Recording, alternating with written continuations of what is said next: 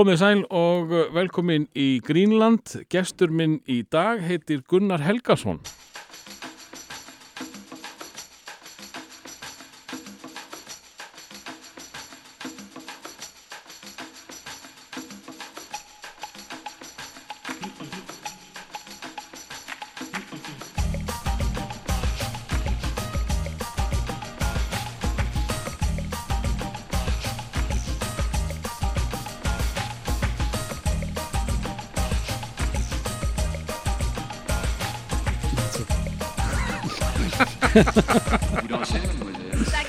Jú, það er Gunnar Helgason. Velkomin. Takk fyrir.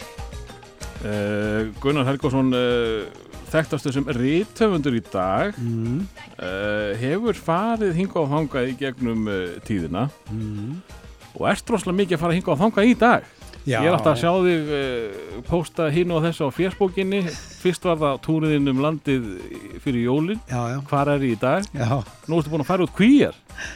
Já, Nú veit ég ekkert hvað þú ert. Nei, ég þurfti að skrepa til spánar í, smá svona vísindaferð Já, og það var nokkur ljóst hver ég var þar. ég fór á völlin. já, en ekki fyrstu myndin ég. Hún var, hún var pínu erfið. Já, það getur verið Já, ég man það. Ég man það ekki. En, en uh, sko, það er verið að gefa þið út hér og þar um heiminni, það ekki? Jú, uh, sko ekkert mikið þar svona, svona, þetta er svo fáið staðir ennþá sko. Mm. Þetta er svona meira hér ennþá sko. Já. En hérna, já, ég, þetta var að, sérst, ég, sérst, mamma klikk er búin að koma út í Danmarku og var að koma út í Makedóníu bara í síðustu viku og uh, sérst, í lok janúar Ef fólk hlustar á podcast skilur bara hvernig sem er Já, þetta fyrir ekki á marka fyrir henni í vor, að já, og hérna já, svo er það Söður Kórea í vor Suðu Kórea, já. En eru boltabækunar ekki, nei það er eins og það séu sko bolta höfundar í hverju einasta landi sko. já, einmitt, þú veist, ég, ég kanna þetta eftir að ég, það voru svona viss vombri að finna engan áhuga á þessu sko og, og stutt leit á Amazon liti ljós að það eru bara höfundar út um allan heim sko, það er einn á hverju einasta Norrlandana og, og það er nokkur í Englandi og, og tugir í Bandaríkjónum mm. En enginn náttúrulega að Nei. svona ekki, gott ekki svona gott. En, en sko, með myndinni, uh, það er náttúrulega alltaf markaði fyrir uh, barn- og úlingamyndum.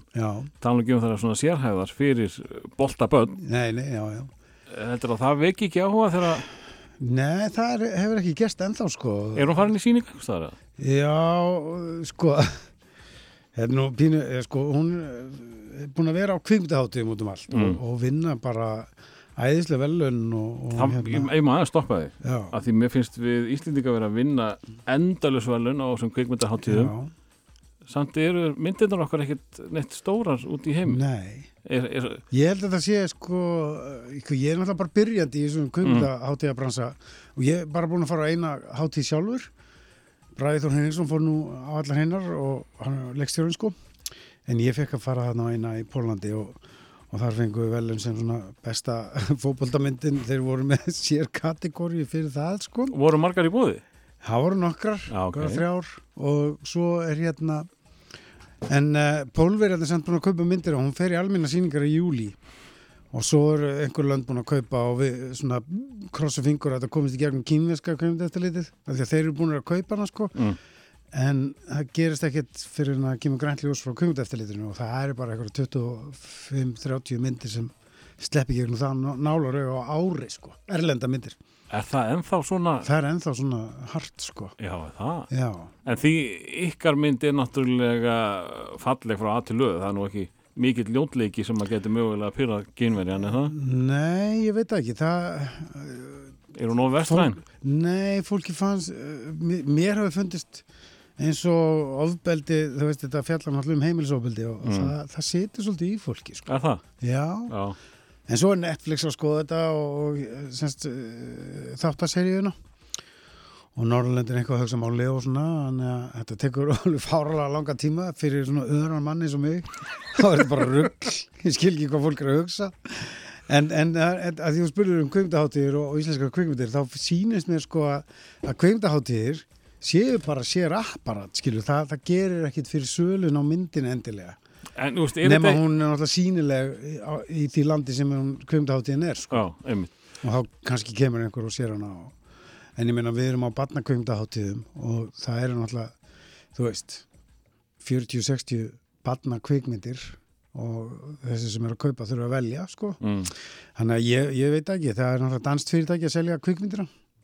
Þannig að við bara, ég býð bara alltaf eftir góðum fréttum, sko. Ég ætlaði að segja þannig að þú ert alveg rólegur en ég, Nei, svo hugsaði þetta er Gunnar Helgarsson, hann er ekkit rólegur.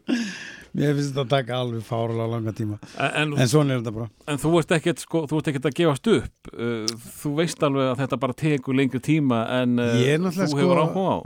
Ég bara þarf að fara með æðruleysisbænina, en ég hef engin áhrif á þetta. Nei, einmitt. Þú veist, ég, það er bara, það er fólk í þessu, sko.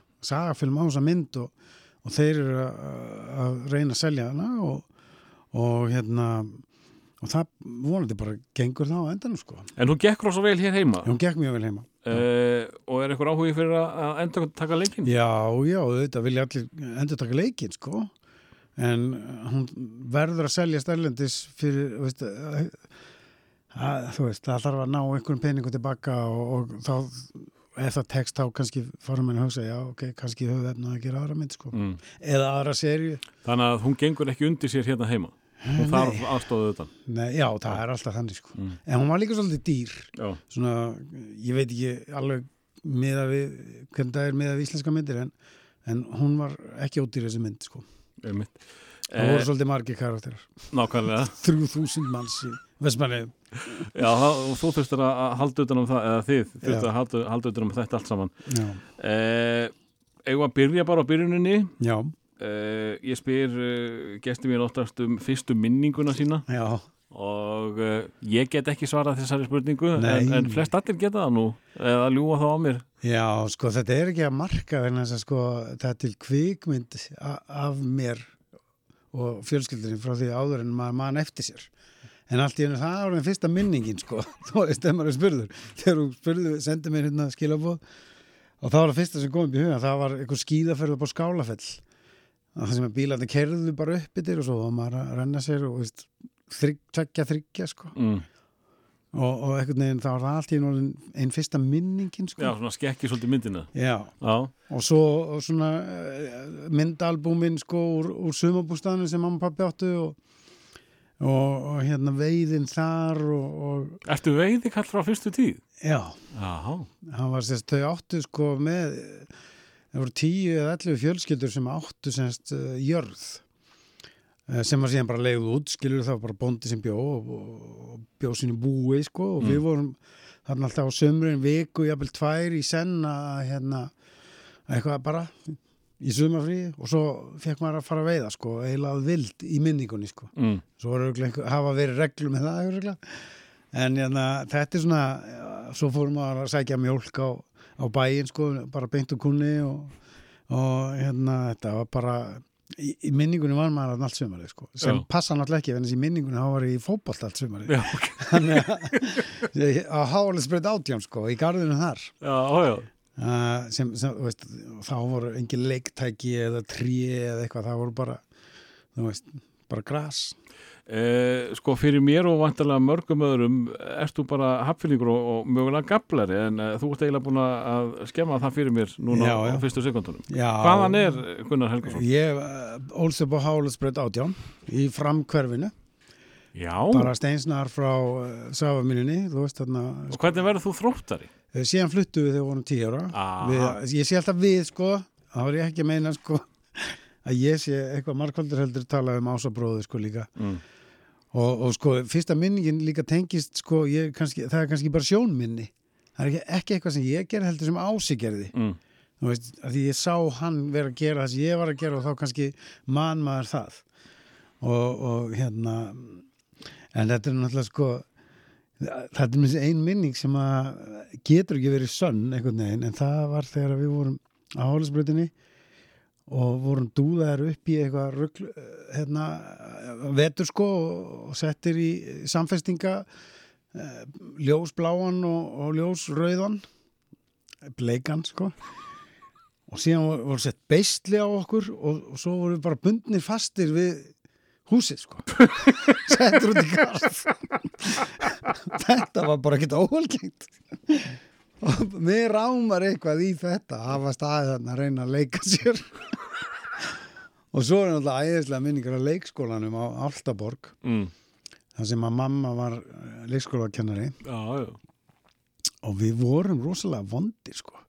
Þið bræður? já, við vorum alveg grimmir alveg fantar sko Ég var erfitt með að sjá það, sko. þetta var einhvern veginn sko í minningunni, það var svona kastali eins og er svona, svona leikkastali með Mhm. rennibröð niður og svona einn af fyrstu kastalegu landsins bara og allur úr stáli og við það var alltaf slagur um hver var í kongurinn í kastalanum sko. og þetta voru bara slagsmál sem við ási unnum yfirleitt sko saman af því að við vorum tveir já, já, veist það voru lið Mm. og smá saman týndist lið úr kastalanum og maður bara greip það og hendi í í, minningunni. Og svo enduðu við á sig við leitt uppi og, og þú veist og krakkarnir hlupu öskrandi inn sko týpuratni vondur og það var með þessi einn stelpa í blokkinni sem kallaði okkur Bíbilond Bíbí Lond. Bíbilond, týpuratni vondir og svo byrjaði maður í Altamýraskóla og Það strax byrja svona rétt, að- en ég, hérna, áður við yfirgefum leikskólan. já, Uh, þið eru búin að henda öllum niður Já. af kastalanum, já en þið sættið ykkur að vera tveir kongar. Já, ásökunni saman Já, já, já Að það var ekkert, það var aldrei ríkur á mitt líkar um að, að vera því Nei, nei, kongur. kom set, rígurinn kom setna Já, ok. Það var, það var svona eh, 10-12 ára sko Já. Já, og svo, svo bara kom mamma út og sagði Nei, nei, hvað er vitlisa? Og við hlóðum bara En hérna, veist, uh, voru þið svona góði með ykkur að því voru tveir eða vegna þess að þið voru með mömmu þarna? Ætli það hafi ekki verið hvort tveggja bara var svona, maður vissi að eh, maður fekk svona smá svona, ups Nei, það slapp, mamma trúði ekki. En líka því að það voru allir í þessum slag sko, og, og þetta var bara brútal sko í minningunni.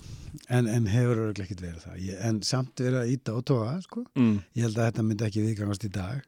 Nei, ég geti trúið því. Já, Og, og, og ég hefðum samt haldið það, ég veit ekki hvort það hafi verið eitthvað öðruvísi í þá daga en að vera með fjölskyldumeðlim á leikskólanum sem kennara Mm. að uh, börnin hefði þurft að haga sér betur en en það var ekki þessu tilviti. ég veit ekki við höfum örgulega verið tvöfaldir í róðinu sko Já, brosandi, ljósari, litlir og sætir innan um fullan þessi stráka get ekki verið vondir. Nei. en svo, sko, svo byrjuðum við í, í alltaf skóla og ég man eftir slagsmannunum á, á hérna, skólalóðinni það var eins og var enginn úti að passa sko Mm. Og ég man bara þegar við löndum skúlagreiði sko, hann var stæstur í bekknum og var pínu, hann var pínu búli í honum sko, og þá til að við bræðum veist, þannig er ég búin að réttlæta þetta fyrir sjálfum mér. Þá til að við bræðum fengum nóg og svörum fyrir okkur og, og hérna ég man bara eftir að hafa staði með svona hvítar hárs, hárflixur í höndunum sko. Já, ok. alveg, og veist, og adrenalín og blóðbræð, játbræði í munninum sko.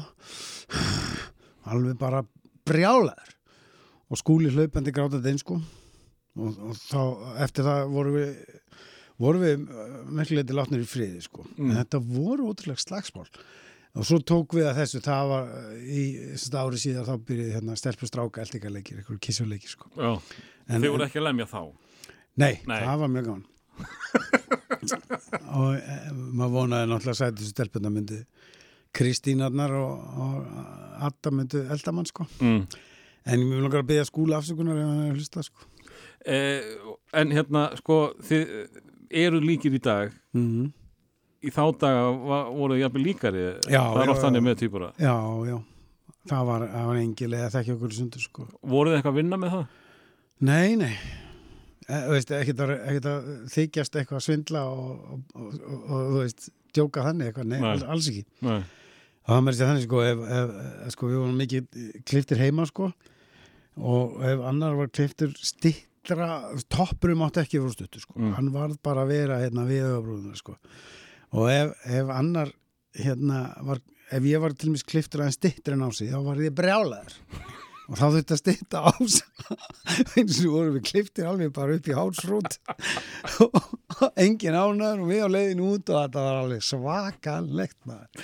En Ég- þá var að við vildum ekki vildum og fannst eðlilegt að vera eins en mamma klætti okkur aldrei eins.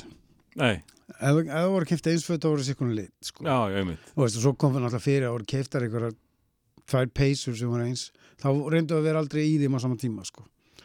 og, og þa- þannig að við, við reynd, vildum aldrei vera eins. Vildum einhvern veginn alltaf einhvern veginn svona skilja okkur að. Eh, Sko hver er munurinn á ykkur sem, sem típum sérstaklega þarna á fyrstu ánum sem þú mannst eftir engi munur maður Já, þið voru sami kallinn Já, það held ég, ég veit það ekki.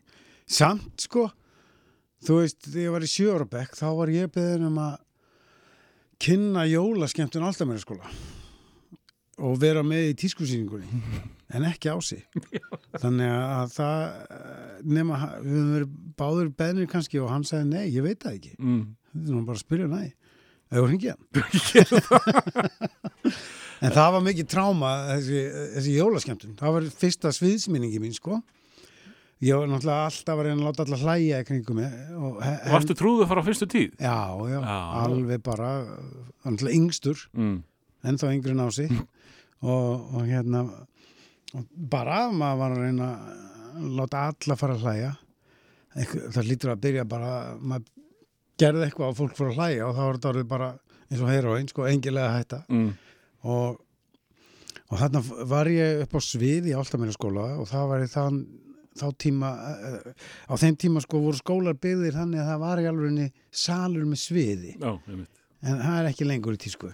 Núna er þetta bara allt opið og, og bókasafnið og, og hjúkan allt inn á sama hjúgrunarfræðingurinn og hérna já, ég stóð upp á sviði sko og þú veist, og það var tjald fyrir og allt svona raukt, flauðilstjald og ég laumaði mér fram í gegn og var mjög stressaður yfir öllu saman var í svona gulum jakka svona, uh, svona eiginlega gæru jakka eða veist, það var svona eitthvað gult f- svona fluffy efni langt svona Já, hvað loðið? Já, loðið efni sko Aha. og þetta var rosaleg tískuflík sko ásátt alveg eins Já, þetta var ekki eitthvað, eitthvað Nei, props þetta var átti að bara vera flott. ekki minn Já.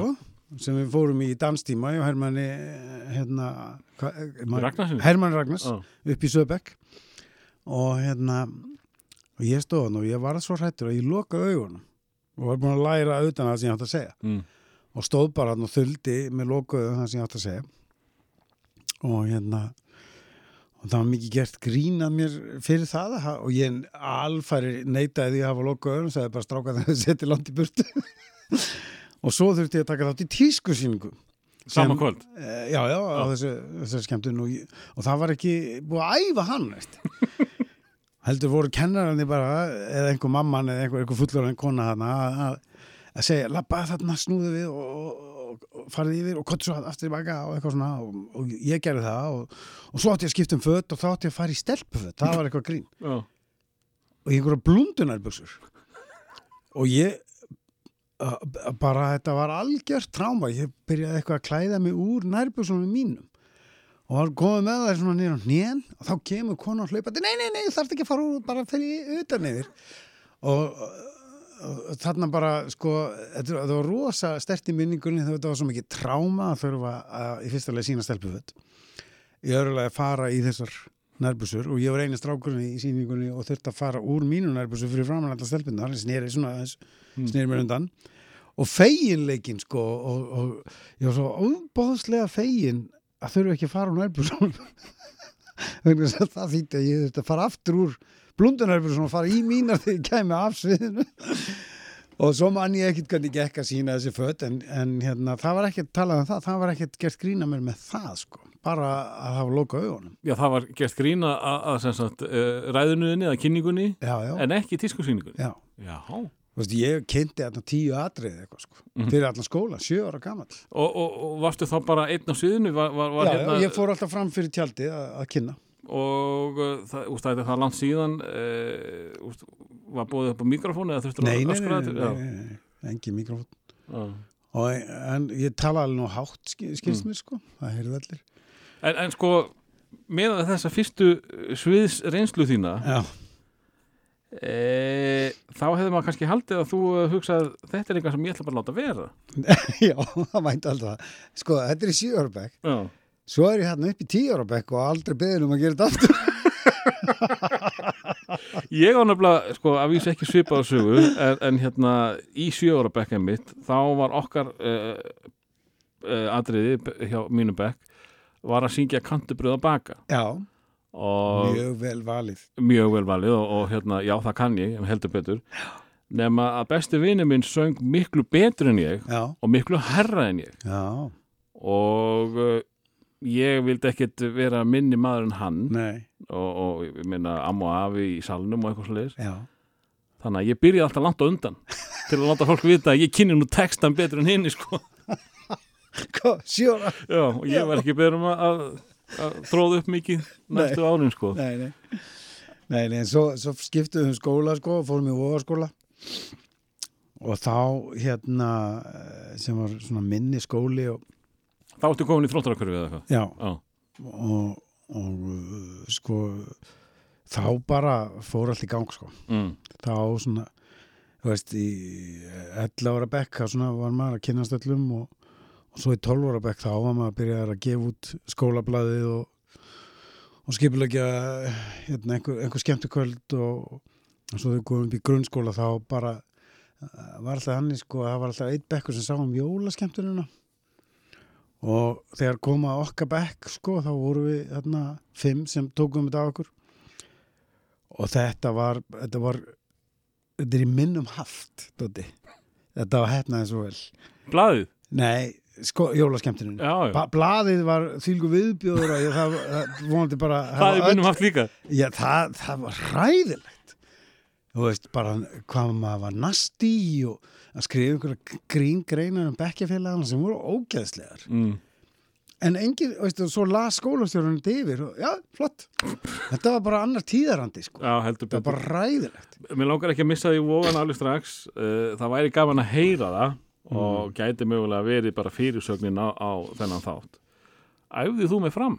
já, Já, já, semst, fórum hann eitthvað 7-8 ára og, stóðum í ring og 20 strákar og eitt kall með eitt bolta. Let hvern og eitt skalla skilur, maður skallaði fimm sérum og fór svo heim.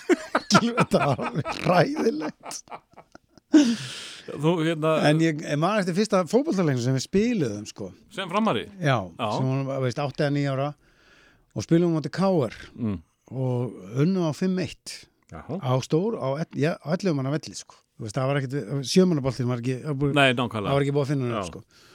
og, og þetta var bara stórkostlegt unnum K.R. 5-1 og Skúli Helgason held ég að vera hana og Snorri Snorri Már, Snorri Mór, þeir voru náttúrulega alveg hríkalega góði sko. hvað var það? Já, Já, og gott ef Antoni Karl Gregor ég hef ekki verið þarna fyrstu árinni fram líka. Nú er hann framari líka? Já, veist, allan að ég man eftir að hafa verið eitthvað að leika Veistu- mér í fótboltum honum. Ég held bara að þetta sé annað þátturinn í röð sem að minnst á Antoni Karl Gregori. Hann kom við að við, Já, hann var eftirminnilegur. Heldur betur, hann æfði með honum Þorstinni Guðmundsinni á var Já, Ha. já, já, já.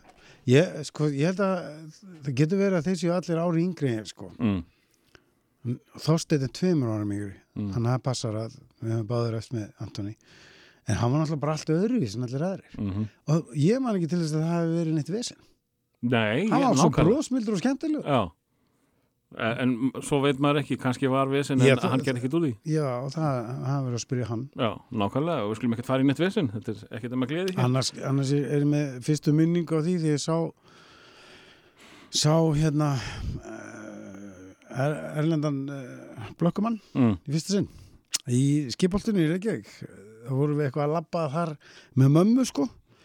Og þetta hefur verið 71 eða 2,67 ára. Og, og hérna við vorum bara að labba hann yfir með mömmu og leitum hana og, og hann verið að fara í einhverja ljósabúða eða eitthvað hana í skipoltinu og þá labbar trökkurinn hinum með við göttuna sko. Hann að fyrsti köruboltamaðurinn sem kom til Íslands, Erlendi. Og hann var náttúrulega 2 og 10 sko með afrógreðslu alveg bara í takt við tíman og, og við, ég, ég labba á ljósastur sko mamma svo leiðis alveg kift í okkur. Ekki glápa, ekki glápa, ekki glápa. Og við bara, þetta er bara chaos. Já, við gláftum náttúrulega með opið munnin. Já, þú veist, og svo bara fór hann fram í og maður bara snýri sér við og held áfram að labba og enda á ljósastur og það var dýrmætt leksía og, og varstu hérna bara í fótbolta? Já, í framkvörunni, já. Mm.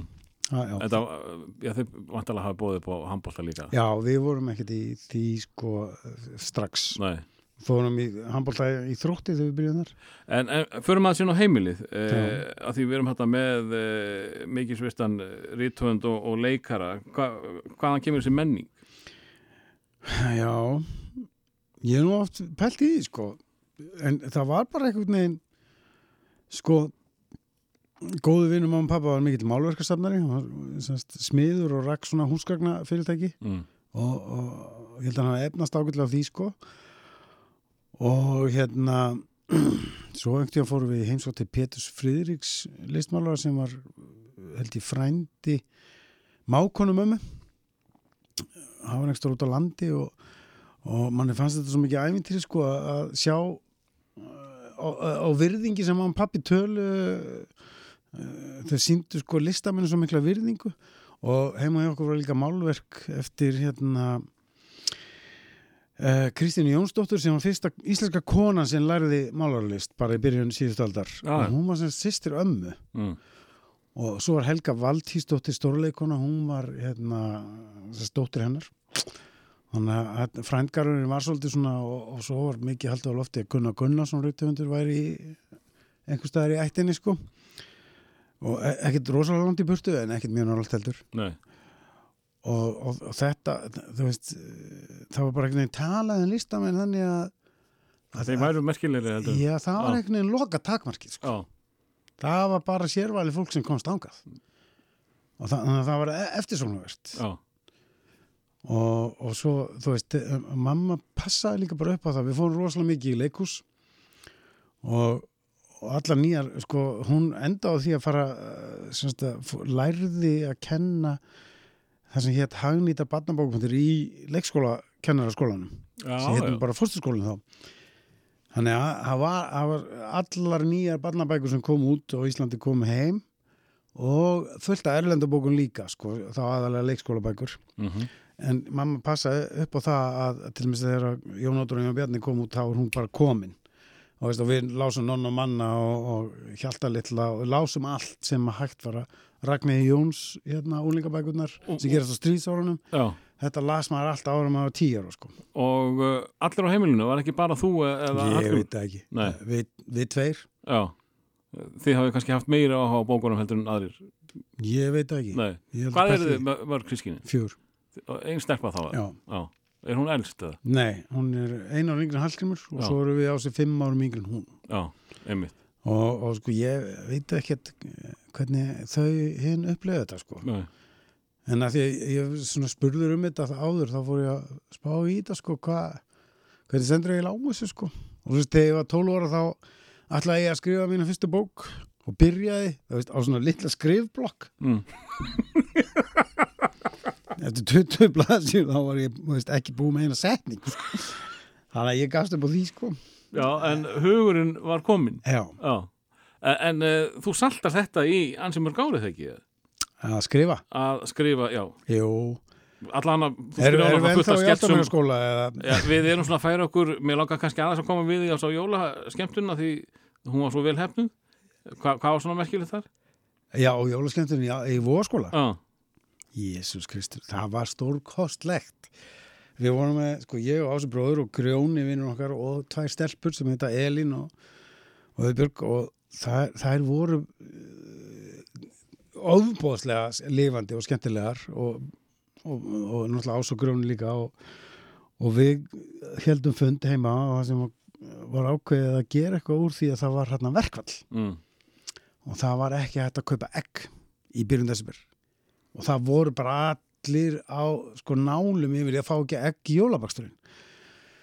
Þannig að við áttum þú veist, sex egg eða eitthvað heima og við stunguðu út.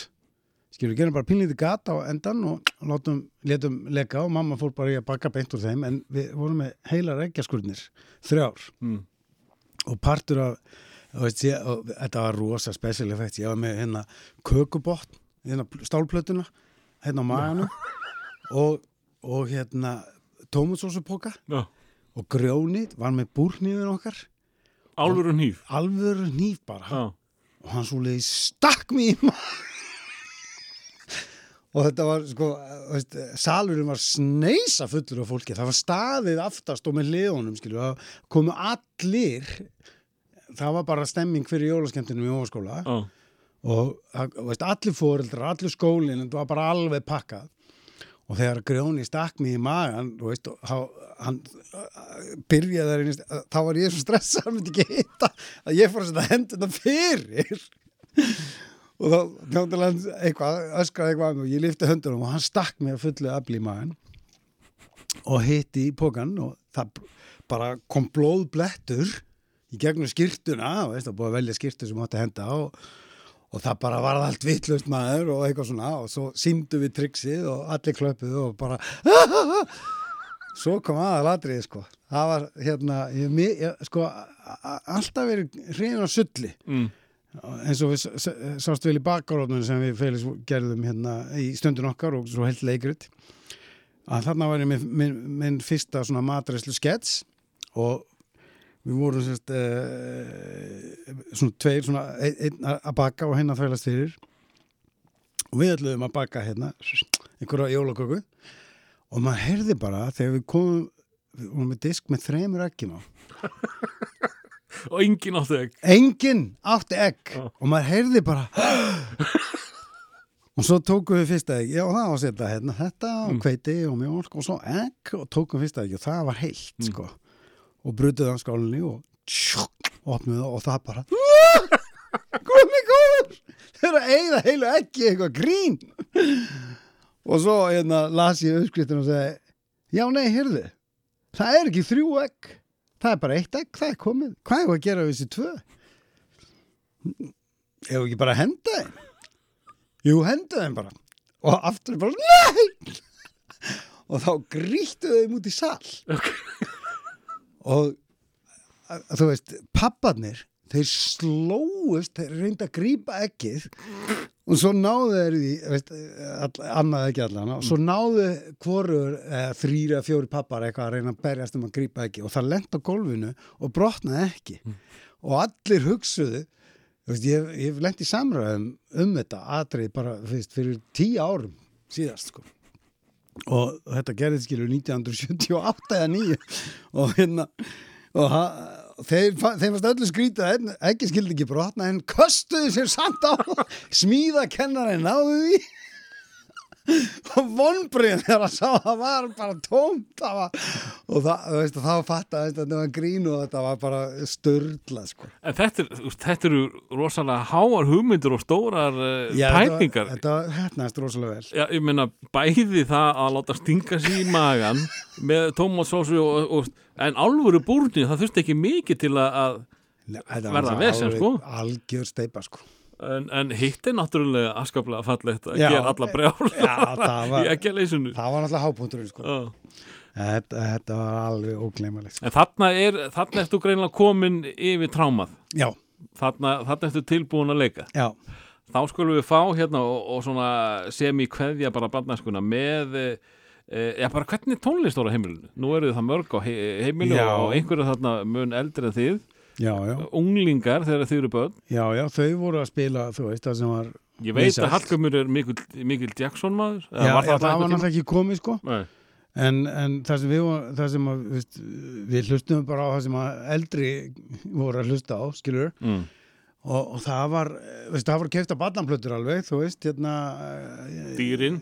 Já, og, já. og líka bara, þú veist, hérna sem SG hljómplötur voru að gefa út já, Ómar og eitthvað Já, svona Ómar og, og, og hérna já, hvernig var hérna dýrgasli? Ég ætla að var Æ, hvernig var það? Við sem hún syngja þetta líka já, náttúrulega Olga Guðrún og eitthvað svona Já, þetta var allt keift sko og svo var Cleo Lane þegar hún kom að lista á því þá var allt safning með henni keift og, það er vantarlega fóreldrar sem voru Já. já. og, og Ópur, Carmen, maður kunni Carmen utan að já. já, það var bara alveg geggja sko Vo, voru fóreldrar hennar sefnir af klassiksum tónlist eða? Nei, nei, það var bara svona greatest hits í öllum geirum sko. já, já, veist, og svo, svo vann frænd okkar í, á lagartum í fálkanum á Suðurlandsbreyt mm. og það var nú ekki drosalega langt að lappa þanga og, og heilsa upp á Dóra frænda og, og hann lifti mann upp í hérna, hlustunarklefan sko, sem var bara svona kassi á vegnum mm. fyrir fullari fólk að standi en fyrir litla stráka að sitji Já, og svo spilaði hann eitthvað, þú veist og, og, er það Dóri í plötubúðinni? Ég, nei, nei Nei, því, ég veit að Dóri í plötubúðinni var í fólkonum en, en allt í leið? Já, hann var á lagarnum hérna og, og var svona já, bara, þú veist, var með puttan á búlsunum og var ógislega svalur fyrir Mhm. okkur Þannig að, já, það var svona hlusta á bara svona helsta held ég já, þetta var svona greatest hits heimili Já, ég held að og svo setna náttúrulega fór Hallgrimur að kaupa allan bílakatalógin sko og- Já, fór hann þangað? já, já En- en og, þín? og, og Rolling Stones eða þau bæði, ég veit ekki, Mm. þetta var bara allir til. Hann kefti einhverja bang og græðir hann Hallgrimur fyrir, fyrir hérna, peningar hann fekk í skóaverðinu í Nóri held ég. Og þú veist og bara ég fór að tjekka á því svona sam, samstæða sko, hvað kostar það? Þetta er náttúrulega bara miljónir sko. Var bara ríkasta fólki sem átti Já, þetta. þetta var engin svona fína græði sko.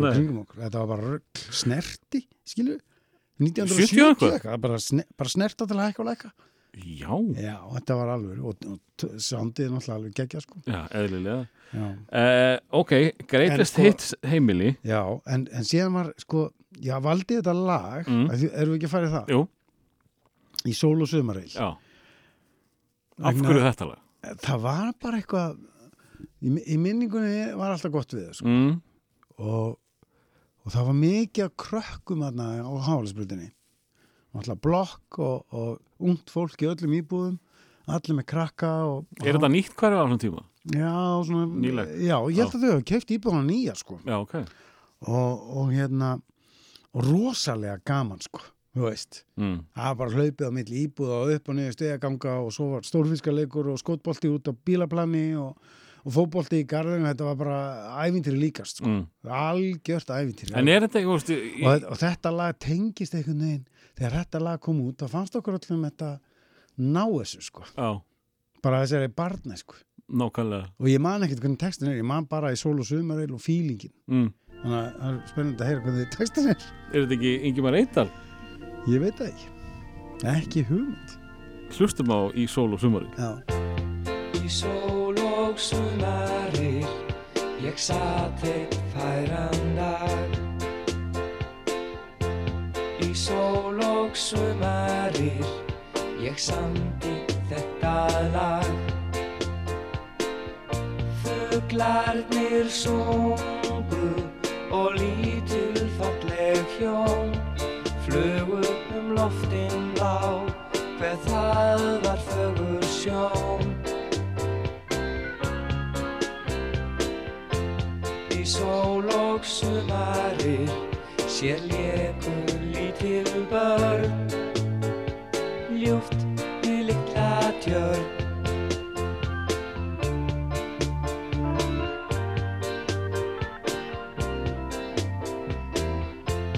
Í sól og sumarir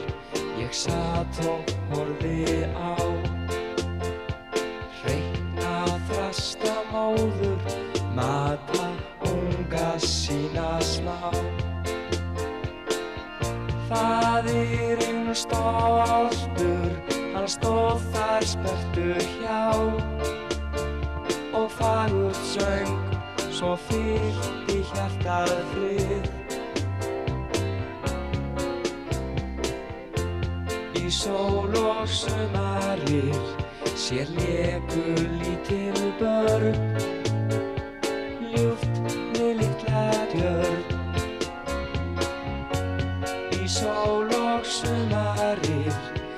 samdi þetta lag.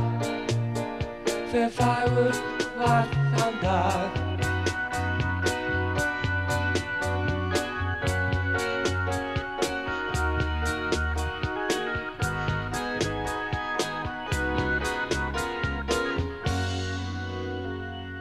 Þetta er, jú, hljónsveit Ingimars Eidal já. og uh, hann, er svo fallegt og hann er náttúrulega var svo mikill 70s kongur sko. já, og líka allt frá Akureyri var best Já. mömmu sko, hún ólst upp á Akureyri Já, þar. það? maður yfirst þetta barn á Akureyri Já, endaði í blokki í Hálsbröð En, en uh, sko að því þú ert svona uh, aðeins uh, að verða úlingur uh, í síðustu sögunni með, með þetta, þetta stönd ykkar á Já. Ég mæla ekki með því að krakkar endur taki þetta Nei, þetta mátt í hnífastönd. þá dag, þetta, þetta er ekki sniðut í Það dag. engin fullorinn fetti fingur út í þetta. Með að fá lánaða nýfin Já, já, Já, já, já, þetta er stingan í maðan, já, já. Vestu það með kökubotni eða eitthvað? En, en hérna, sko, umbreytingin frá uh, framkverfinu yfir í, í Vogaskóla, Já, uh, er þetta bara setni tíma hróki eða, eða varst að koma heim þegar að þú settist að í? þróttarkrönu? Já. Nei, þetta var sko Við, við flytjum hérna í oktober þegar við erum í Tíurabæk Mm. En klárum áltamjöluskóla Já, já, út bekkin. Já, Já. bara, uh, fáum bara alltaf mamma fer í vinnuna og skutlar okkur í leðinni og sækir okkur svo. Þannig að við kynntumst engum í hverjunum fyrir en sumarið þarna fyrir 11 ára bekk og þá kynntumst við tveimur strákum sem og það voru mjög mikið að skemmtilegum drengjum þarna sko Mm. Og það- maður kynntist þeim náttúrulega gegnum fótboltan og það var þarna sólheima völlurinn. Það er náttúrulega bara þú veist að mæta út á völl þar í fyrsta sinn það var náttúrulega með klöppum sem stóð upp og hólum og þetta var hraungríti, þetta var viðbjóðslegast í fótboltavöllur heimsins. Og þegar að uh, grjóni hérna vinnur okkar, annar grjóni en sá sem var með okkur í tvo það voru tveir í skóla í þessum árgangi. Og, og grjóni og grjóni rjómi. Gr- hann byrjaði að kalla sig grjóni rjóma því hann var svo hvítur. Já, já. og fannst mjólkar rosalega góð. Og, og hérna en hinn grjóni sem kynntist fyrst sko, hann var rosalega góður í fótbolta. Bróði Dóru að Gilva, Já, eldri bróður hans. Og uh, hann var sko leikarætni hann, Grónin. já, hann hefði átt að vera leikari. Og hérna og svo sjármjörnandi skemmtilegu maður. Og, og svo hérna segir hann að við það sé fótboltin kvöldið þarna um sumarið. Og við verðum að koma. Æfing þá eða bara Nei, leika sér? bara á sólumöðinum og við þurfum að passa okkur á hauki og svetta. Og þeir og við mætum hann og þeir standa bara þarna eins og þú veist fullorðin menn. Þú veist 12 óra þeir voru svo stórir og sterkir og þeir voru svo harðir. Mm.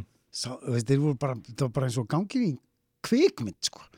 þeir voru þarna grjótharður og þeir skipti lið og voru þeir á móti rusli sko. Og við vorum í ruslinu. Já, þeir völdu bestu mennina með sér. Og þetta var bara áhörnabröða já, já. bara fyrir framtíð okkar í þessu hverf og við áttum okkur alveg á því sko. þetta var bara algjörlega það er hringi síminn. Á ekki að slökka á þessu? Jó, það er betra.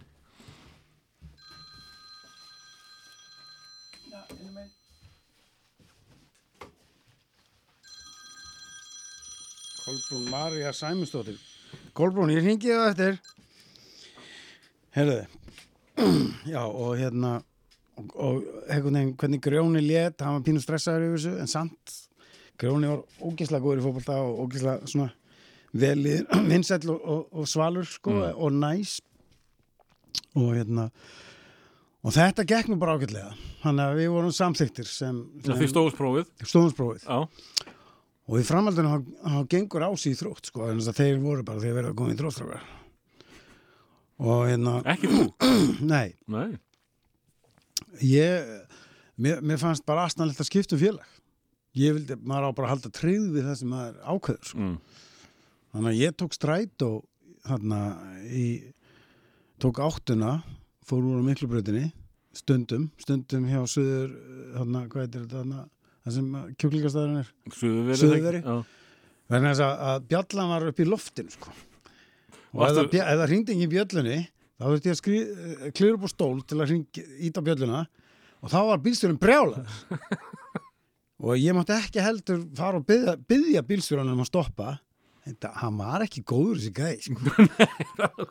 Það voru hann tveir, þrjir gæði sem kerðu bara alltaf áttuna og, og þetta var bara vesen en ég let mig hafa og bara var með strætó með það og, og hérna spilaði með þessi eitt leika móti ása og strákunum í þrótti á framvellin í slittu og viðbjöði Mm. það var rosalegt. Og önnum þrjú tvö ég skoraði sigur markið, það var geggjað. Ég fagnaði með því að kasta mér á hnén og þú veist eins og sjónfjörnum bara. Já, já, já, nema ég lendi einhvern veginn í potli svo kom allir strákanir ofan á mig og puff! Í, í sko mínus tveimur sko, þetta var ríkal en það var þess fyrir og svo náttúrulega allir mér því ég fagn eins og fáti en ég, ná, ég dótt bara. Og, en hérna, já og, og svo fór ég og, og var, síðast, það var opnun framheimilsins. Mm. veist, fyrsta svona alveg, sem að stendur núna já, já, fyrsti hlutin það var miklu minna náttúrulega. Og ég, ég kunni miskildi að ég held að allir ætti að koma sko. nei, nei, það var þetta eitthvað káttilbúð hvað er þú að gera hérna, drengur? Og það, þá fyrst hún að hugsa akkur er ég ekki búðan bara velkomin mm. ég, veist, ég tók strætó sko. ég fór úr í söðuveri Mm. þú veist, við veitum hvað er búin að leggja á mig til að vera hérna. Og þá svona fór að kvarnast úr þá fór, að dopna framar í nýðir já, Þannig að ég fór í þrótt hérna um haustið sko. Og, og, og það var mjög gaman að, veist, að fara að æfa aftur með ása og öllum þessum bekkjafélugum og, en, en þjálfarinn hann let mig aldrei gleyma því að, að ég væri hefði komið setna í þróttin á sig. Hann var ekkit mikið verið að það var ekki mentaði þjálfari nei, og Þú skoraði mikil- líka sigumbarkið á mótið honum. já, já, Já. og við miklu á sig það er að því þú komið setna í þrótt. Þetta dró náttúrulega aðeins úr manni sko. Já, ég geti tróða því. Þetta hafði ekki góð áhrif á fyrirlin eða svona innra lífið. Mm. þannig að, En hvern, hvernig var sko uh, þið búin að vera saman í öllu? Já, já, þið tvíburar. Já. Hvernig var að- vera í sig þetta hlýtur að hafa verið svolítið stóra ángurinn hjá þér. Já, þetta var, þú veist að taka fund með fjölunni og já, já, mamma og pappi voru, voru fyrir ekki að pyrra á þessu sko. Mm. en, en þau letu þetta eftir mér og, og bara og svona eftir á ekki fannst mér bara fínt sko að hafa sí- sínt svona smá sjálfstæði og, og staði fyrir mín og maður var einn í framalt í einu. Já, þú veist, maður var ekki með strákunum í bekk lengur og var ekki að leika sér og, og veist, og maður einhvern veginn var svolítið einn í þessu sko. Ég ætla að vona að, að framarar séu að hlusta núna því þarna mistuði já, efnilega framara bara með hrók og yfirgang Já, það voru fullöndu kallarnir. sko. já, ég veit það, álfuru framararnir Já, alveg frá. Já, mennirnir sem stjórna. Já, eigendunni, sko. Þannig að að menn eiga að vera góðis menn eiga að vera góðu krakka. já, já. Sérstaklega þeir mæta bara á eitthvað svona... gott gottel, gottelpartí Ég bara mæta á viðburða því að þeir eru svo miklu framarar, sko. já, Ég held að þetta sé náttúrulega orðið þannig, sko. mm. Veist, ef það er einhver krakkar sem er að hanga mikið í félagsheimilinu, þá er það vel séð en ekki illa séð. Já, ég veit að ég, ég, hvernig þetta er upp í breiðalti þá með krakkarnir vera á vellinum eh, daginn og daginn og nóttinni þessuna sko. Já, já, Eh, En segðu mér, sko, uh, nú ertu orðin uh, þróttari já. og uh, þú ert alltaf annarkvært tengdu við þrótt eða hafnafjörð þannig að þú hlýtur að verið þarna í einhver tíma Já, já, bara, veist, alltaf. Já, þá þú fluttir að heiman Þá er þetta heimann. Já, Það var náttúrulega bara þannig. og, og þannig ertu orðin úlingur farin að kíkja kannski á, á stúlkur og eitthvað svo leiðis að hættur Mhm. að láta þær elta þig sá leikur í farin þú Já. kannski farin að elta þær Já, nú voru rólegur. Já. Já, ég mjög hrættur við þetta allt saman, sko. Já, ég er mjög seinþróska og síðastur af öllum strákunum til að kissa stelpu og en ég var fyrstur til að verða kistur, sko, Já. í tólurabekk. Já, Já, það var eitthvað svona kvöld á leikvellinum hann við hliðin á, á rólu við hliðin á húsin okkar og- en, en það, var, það var líka sætast að stelpa hann í bekknum, sko, og skemmtilegast Mm. og klárast. já Já, svo skipti hún skóla, þá var leist mér ekki dát, sko. og og að því ég- ég náttúrulega eh, veit ekki hvernig það er að alast upp með, með týpura mm. það hlýtur að hafa verið metingur og og var hann sem sagt á undan í, í hinn og þessu Já, og, og uh, hann var í þessu allavega. já, og, og líka hann var eh, meira uppáhalds í, í fótboltanum allan hjá sem þjálfara. Já, svo, svo fengur nýjan þjálfara sem var alveg stórkostlegur, Gunnar Ingvarsson sem að, þú veist það, það breytist mjög mikið þarna í þegar við komum í fjórlaflokk mm. þá kom strákar úr efra breyðhaldi í stæðan að æfa með leikni á hverju að æfa með þrótti. Mjög góður fótboltamenn, Pétur Arþórs eh, meðal annars eh, Pétur Gretarsson hétt þá Pétur Arþórsson eða, hann, ég, ég kannast við hann sem Pétur Artórsson Já, hann hétt þá Pétur jú. og framkeifti hann einmitt og hann var á einhverja landsleiki, landsleiki og svona. Já, og þetta voru miklu harjakslar og, og, og hérna og, þeir voru með miklar sigur sögur í kvennamálum alltaf í klefanum. Og við vorum 13 ára og maður bara, og maður trúði öllu sem þessu, öllu sko og bara, það var opið hús og eh, í fellaskóla og það var allt það var bara orgía sko. Og við bara grænjagslarnir úr voðaskóla Já, ég get sagt þér það, hlustum Gunnar. með opið munni sko. Ég get sagt þér það Gunnar. Ég, ég er, eh, já, segjum uh, giftur innan gæsilappa inn í já, og tengdamóðu mín já, hún átti það til að fara inn í fellahelli já, og stoppa partíi þegar það var orðið og mikið.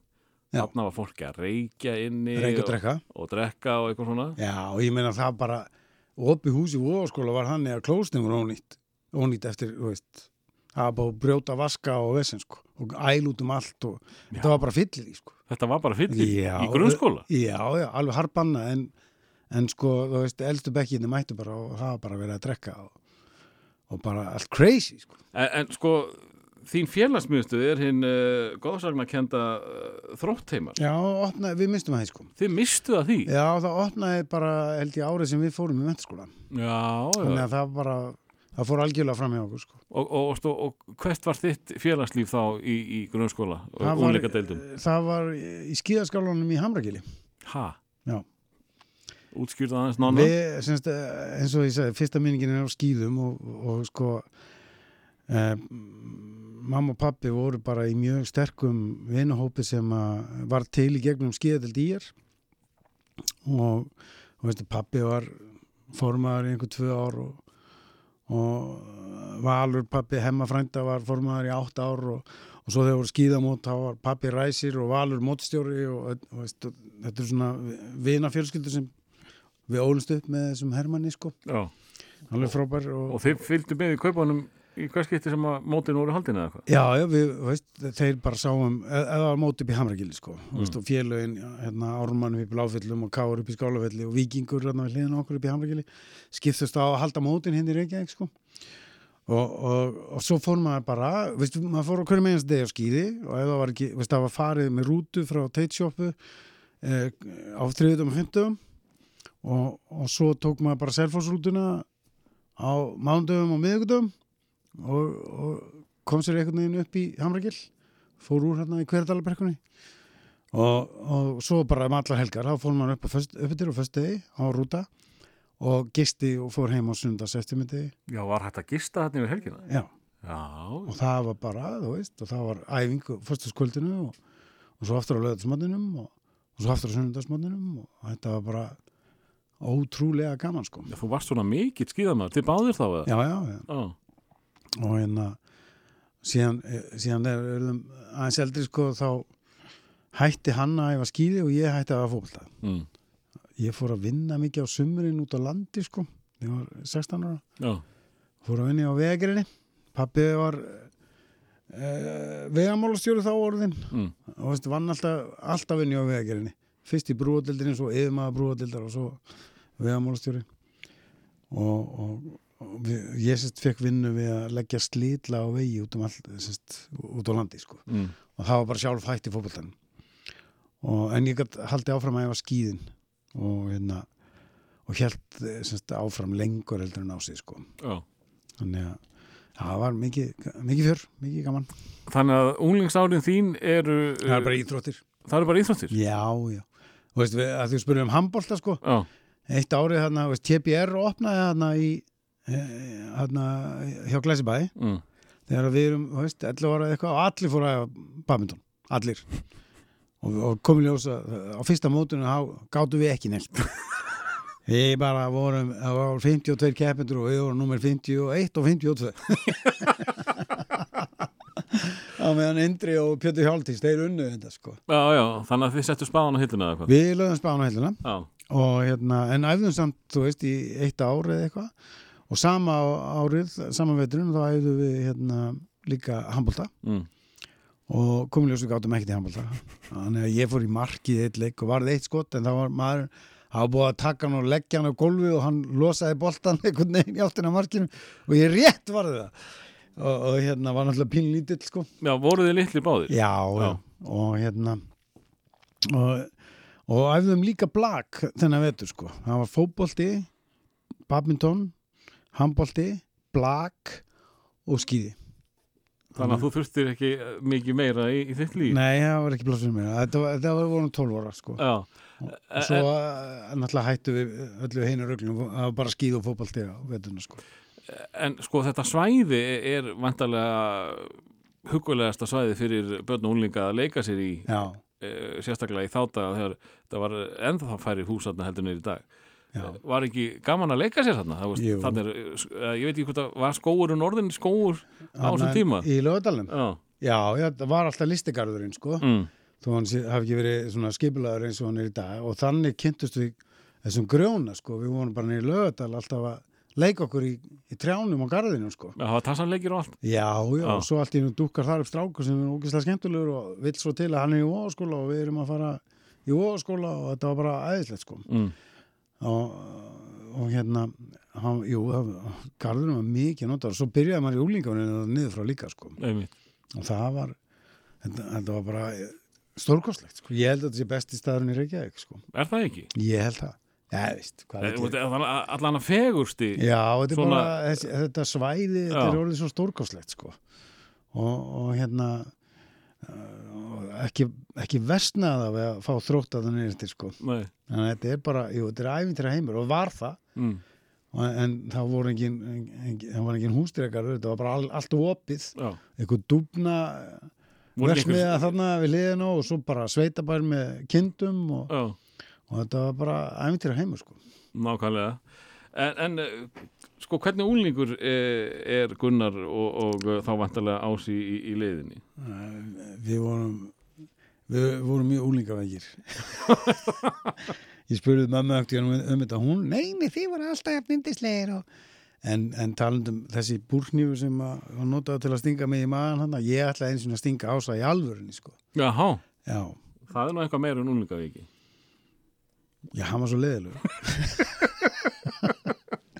Hvenar byrjar þetta? Úst, að því við Við vorum að tala um Kastalan já, þar sem að þið voru báði kongar já, svo komum við nokkur friðsal ár sko. Já, eftir bekk eða sex ára bekk, þá komum nokkur friðsal ár og þá, veistu, þið voru alltaf saman í leiði þá já, já, og svo vorum við svona litlir sko mm. Þannig að það var ákveð að setja okkur á sko vakstarhormón Já, til að bæta 5 cm við sko. Ég er bara mjög ánægð með það. En hliðar áhrifin voru ekki góð dotti minn. Hvað, ég, nú, nú veit ég ekki hvað þau voru Jesus Christ, bólurnar. Bólurnar bara, þú veist, þetta var eins og ódáðarhraun sko. Þú veist, er bara, ég bannaði fermingamyndina því að það, ég var bara með tvöfalt nef sko. Og svo einhvern veginn hárið ógislegt og, þetta var bara, þú veist, fer, veist fermingamyndir eru náttúrulega viðbjöður. Mm. Taka myndir einhvern veginn á því skeiði sem er ljótastur. Það er allir ógeðslegir á þessum fermingamyndum. Allavega og, og hérna, maður var alltaf með stampinu. það fylgdi með. Stöðu stampina Já, og, og við erum brjálæðir skapurinn algjörlega brjálæðir það mátti ekki koma við okkur þá var komið slagur sko. mm. þanga til að grjóni rjómi sem var svona þróast í það að vera bestu vinnum okkar talaði bara við okkur sem, sem bara strákar er þið til að slaka þess á og við bara hvað þið er alltaf svo æstur og brjálæðir það bara ekkert gaman lengur að vera með ykkur og við bara, nú ok og reyndum að laga þetta það en, en það kom svona metingstímabil það sem að uh, mamma þurfti að tala við Ása sko, af því að hann var alltaf að pota í mig sko. og það endaði þarna í slag og amma bjó heima þá sko. Mm. og hún bara stóð á milli og, og man, þetta var rosalegu slagur um alla íbúð og, og svo endaði hann Í, í illu, já, virkilega illu. Já, já, og svo hljópi inn í eldurs í fjórða sinni í þessum slag sko, veist, veist, ég er talað um það sko, kveiti, sigur, kartaflumjöl þetta var allt komið út úr öllum skápum sko. og bara eldursi bara rúst og, og ég fór í skúfunum og náði hennan hníf, sama hníf sem var svona beittur og bröðnýfur í leiðinni og, og hérna þá gargaði amma eitthvað, hún búin að elda okkur grátandi sko um að byggja okkur að hætta. Og, eh, bá, og þá bara rækunum því gól sko að ég vaknaði svona bara. Hjælt á hnýpnum og var að fara að stinga á svo bara. Já. Létt og skemmtilegt. En það voru líka jákæði hliðaráhrif. Á vakstarhormóninu yeah, blessa verðum maður. Eða fínt árum með stampínu. Sí, ég, ég er ekki að tala um það Dóti. Ég er að tala um íþróttirnar Já, já, já, já, þetta er bara þetta var eins og ólulegt og hættur að hafa sko. þú veist, við vorum Þú ert hérna að falla að að æfa- prófa á nú leitni já, við vorum að æfa skíði, skilur við mm. og það var náttúrulega dýrt að kaupa skíði en það voru kannski ekki alltaf keift bestu skíði fyrir okkur og, og við kendum því vorum ekki um að við vorum ekkert að vinna þessi skíðamót mikið sko. hemmi frændi var alltaf að vinna þetta Mm. og hérna og svo erum við búin að vera á þessu í, í hálft ár þegar að fyrsta skíðamót uh, kemur hann þegar við erum eitthvað 14 ára held ég það semst á eldra ári í 13-14 ára kemurslóknu, reynda bara 13 við hefum ammæli svo seint á árinu Mm. og við erum komin á ný skíði sem er bara alveg glæni og æðisleg bestu skíðin sem Top við of the höfum line átt. top of the line oh. og við förum í skálafell og það er skíðamót og við svo lýsum rústu því vorum tíu sekundum á undan næsta manni sko. og svo bara eitthvað einhver sekundum brot á milli okkar tveggja sko. og ég vann þetta og þetta var bara það var engin samkeppni sko. það var fárálegt Ási hérna annar Ási sko sem var í Káar sem hefði unnið hann og Hermann hefði verið svona bestir og við, við, bara, hann, við skildum hann eftir í sko ríkinu sko, þetta var geðvegt og eftir það á dóminu eru við svolítið hérna, hérna innanbæjar sko, skíðakeppnum Vissuð þið að, það, að, að þetta vakstarhormón ætti þarna hluta nei, það máli. kvarlaði ekki á okkur við, sagðum að þetta var skíðin. Það var bara, ég sagði það banni en síðan þegar ég setti skóla með í hástöki langminnstur, þá fór nú að mér ég er ekki að grínast. Já, það var eitthvað próf, skilur við að gera alls konar hluti og, og hástökk þar á meðal og veistu, bara svona band, skilur þú veist, inn í leikamissal og alltaf hækkaði bandið og, og þú fólk- flugst yfir þetta? fólk fór að detta úr leik sko, svo voru bara við ási og stærsti strákurinn og, og svo datt hann úr leik og, og þá kom að skólamyndinu og það var hækka og ég hoppaði bara yfir það. Og leikmennskennarinn mistaði, kom tilbaka og bara trúði ekki. Og var með eitthvað, veist, eitthvað blað sem hann var að skrifa niður einhvern og svona og, og hann lefndi gera það aftur og ég gera það bara aftur. En ég komst ekki sko sentimeter herra sko. Veist, bandið alveg drrrr. þannig að hérna, já, ég setti þarna skólamett sem stendur enn. Þannig allavega. Það, Já, og, það, ég- og, veist, og ég var svo lítill skilur en það minnir í dag sko Býtu, og, og það stendur sem sagt ennþá er, er, þetta skólamett já, já, sem löglegt Já. skráð met. Og svo líka bara út í hlaup í MS á fyrsta ári, veist, Hvaða ár eru þetta að Þetta er þarna þegar við erum að verða 14 ára, þetta árið sem við verðum 14 það er þá 79 Já, byrjum sennilega um haustu 78 á þessu og tökum til þrjú ár. Og, og þetta voru allur, allur grunnskólin E, þá sko þá langar mér að vita hvernig gekk ása í fótboltanum? Að bara fórum að hlaupa hraðar bara og sparka fastar. Já. og bara úr bjöliðin í aliði sko. Já, og bara og veistu, okkur gekk rosa vel hérna þetta ár á meðan ég var að æfa við stuðurum Reykjavík og mistrar og, og innan hús öðru sæti, utan hús öðru sæti gekk illa að vinna viking mm. og ógleymalegt ég klúðraði þarna tveimur dauða færum í Íslandsmótinu á móti vikingi sko. og Jón Otti var í markinu hann var náttúrulega ósýrandi sko. ég bara kom ekki boltanum fram hjá hann á stóru mörkin skilur við vorum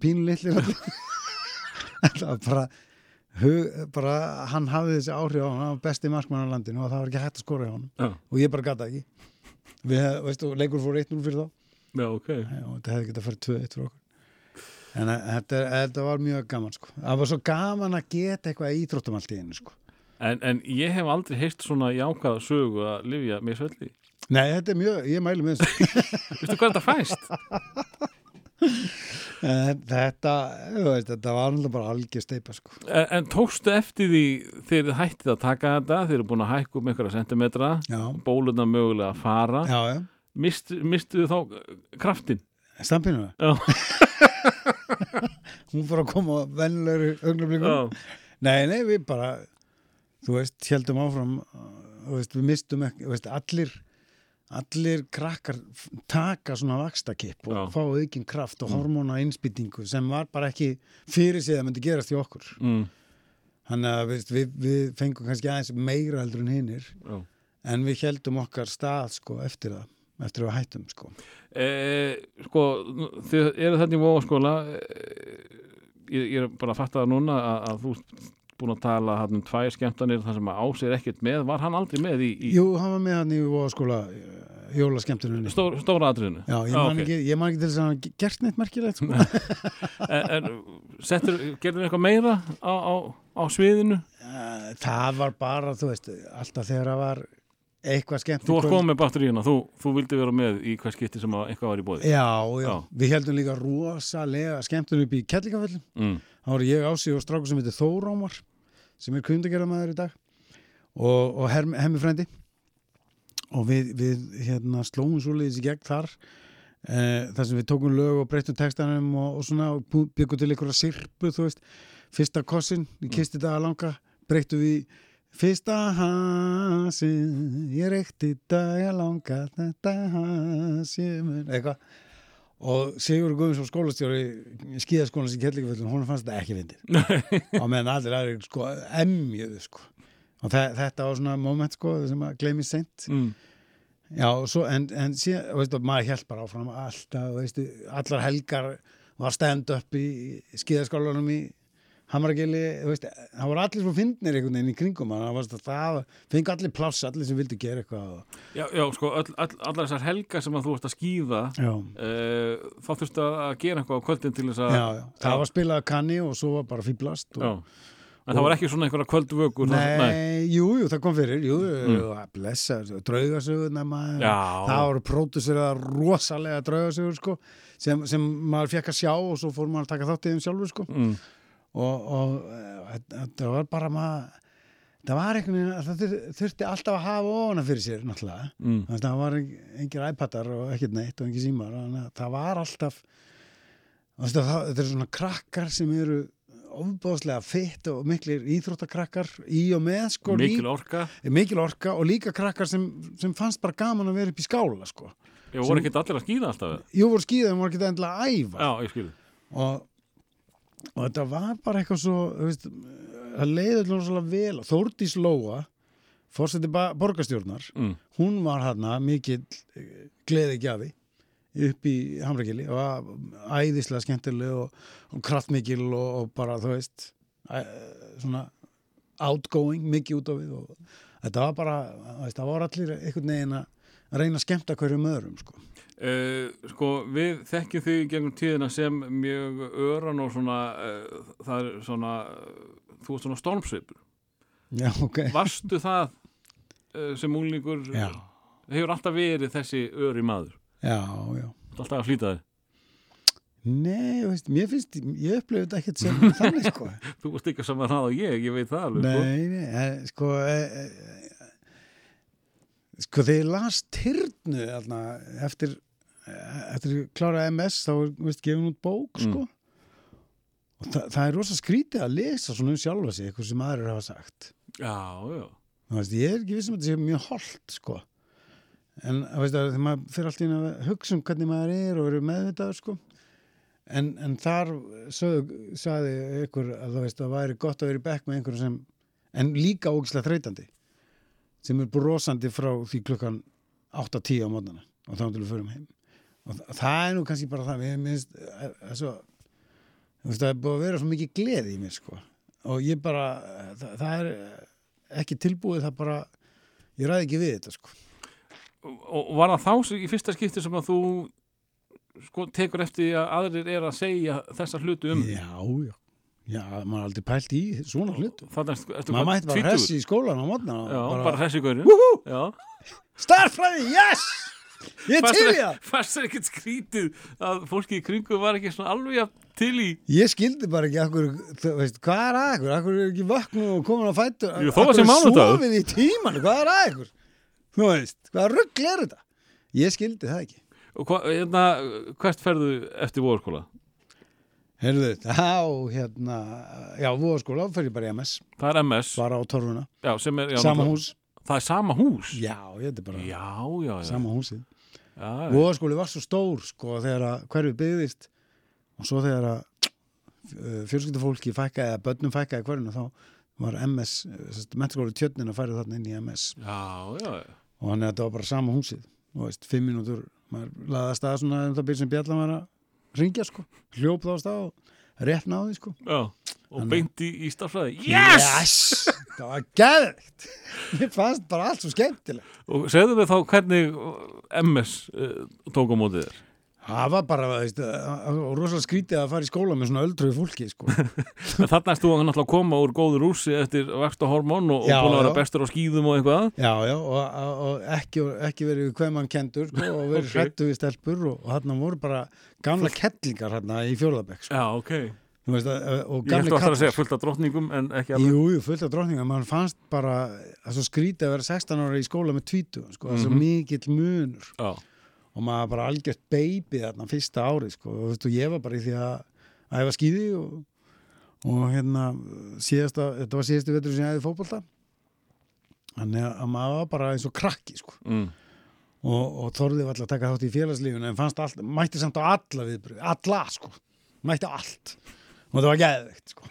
En, en þú veist mann leit svo mikið upp til allar hinn Og hvað, hvaða viðbörður, þú það var eitthvað opin hús og böll og, og, og spurningakefnir og bingo og bara nefndu það skilur þú veist, það var eitthvað hérna, opin hús og það var ásadans. Eitthvað danskeppni. Þú veist, eitthvað dómara sem fækku alltaf um helming. Mm. og þar komst ég í úrslit, fjaramanna úrslit og það var bara fáránlegt sko. ég hef bara, ég hef aldrei dansað á þeirra æfinni sko, aldrei, nema bara heim í stofu já, varstu duglegu þar? Já, ég Já. bara, þú veist, það var stór svona eh, stofugluggi og sem breytist í speil á kvöldin, sko. Já. Og, og maður var svolítið að dansa þar og, og hlusta á tónlist og en ég veist, maður var ekki búin að sjá hann í músíkvídeó og það, það kom aðeins einna. Já, já. Þú veist, Off the Wall var kannski búið að koma eins og í sjónvarpinu og maður trúi ekki sinni með einu augum, sko. En í svarkvídeó samt. Já, Og þetta, þetta fyrir áður en, sko, thriller kemur út og maður missir sig alveg í dansinn, sko. mm.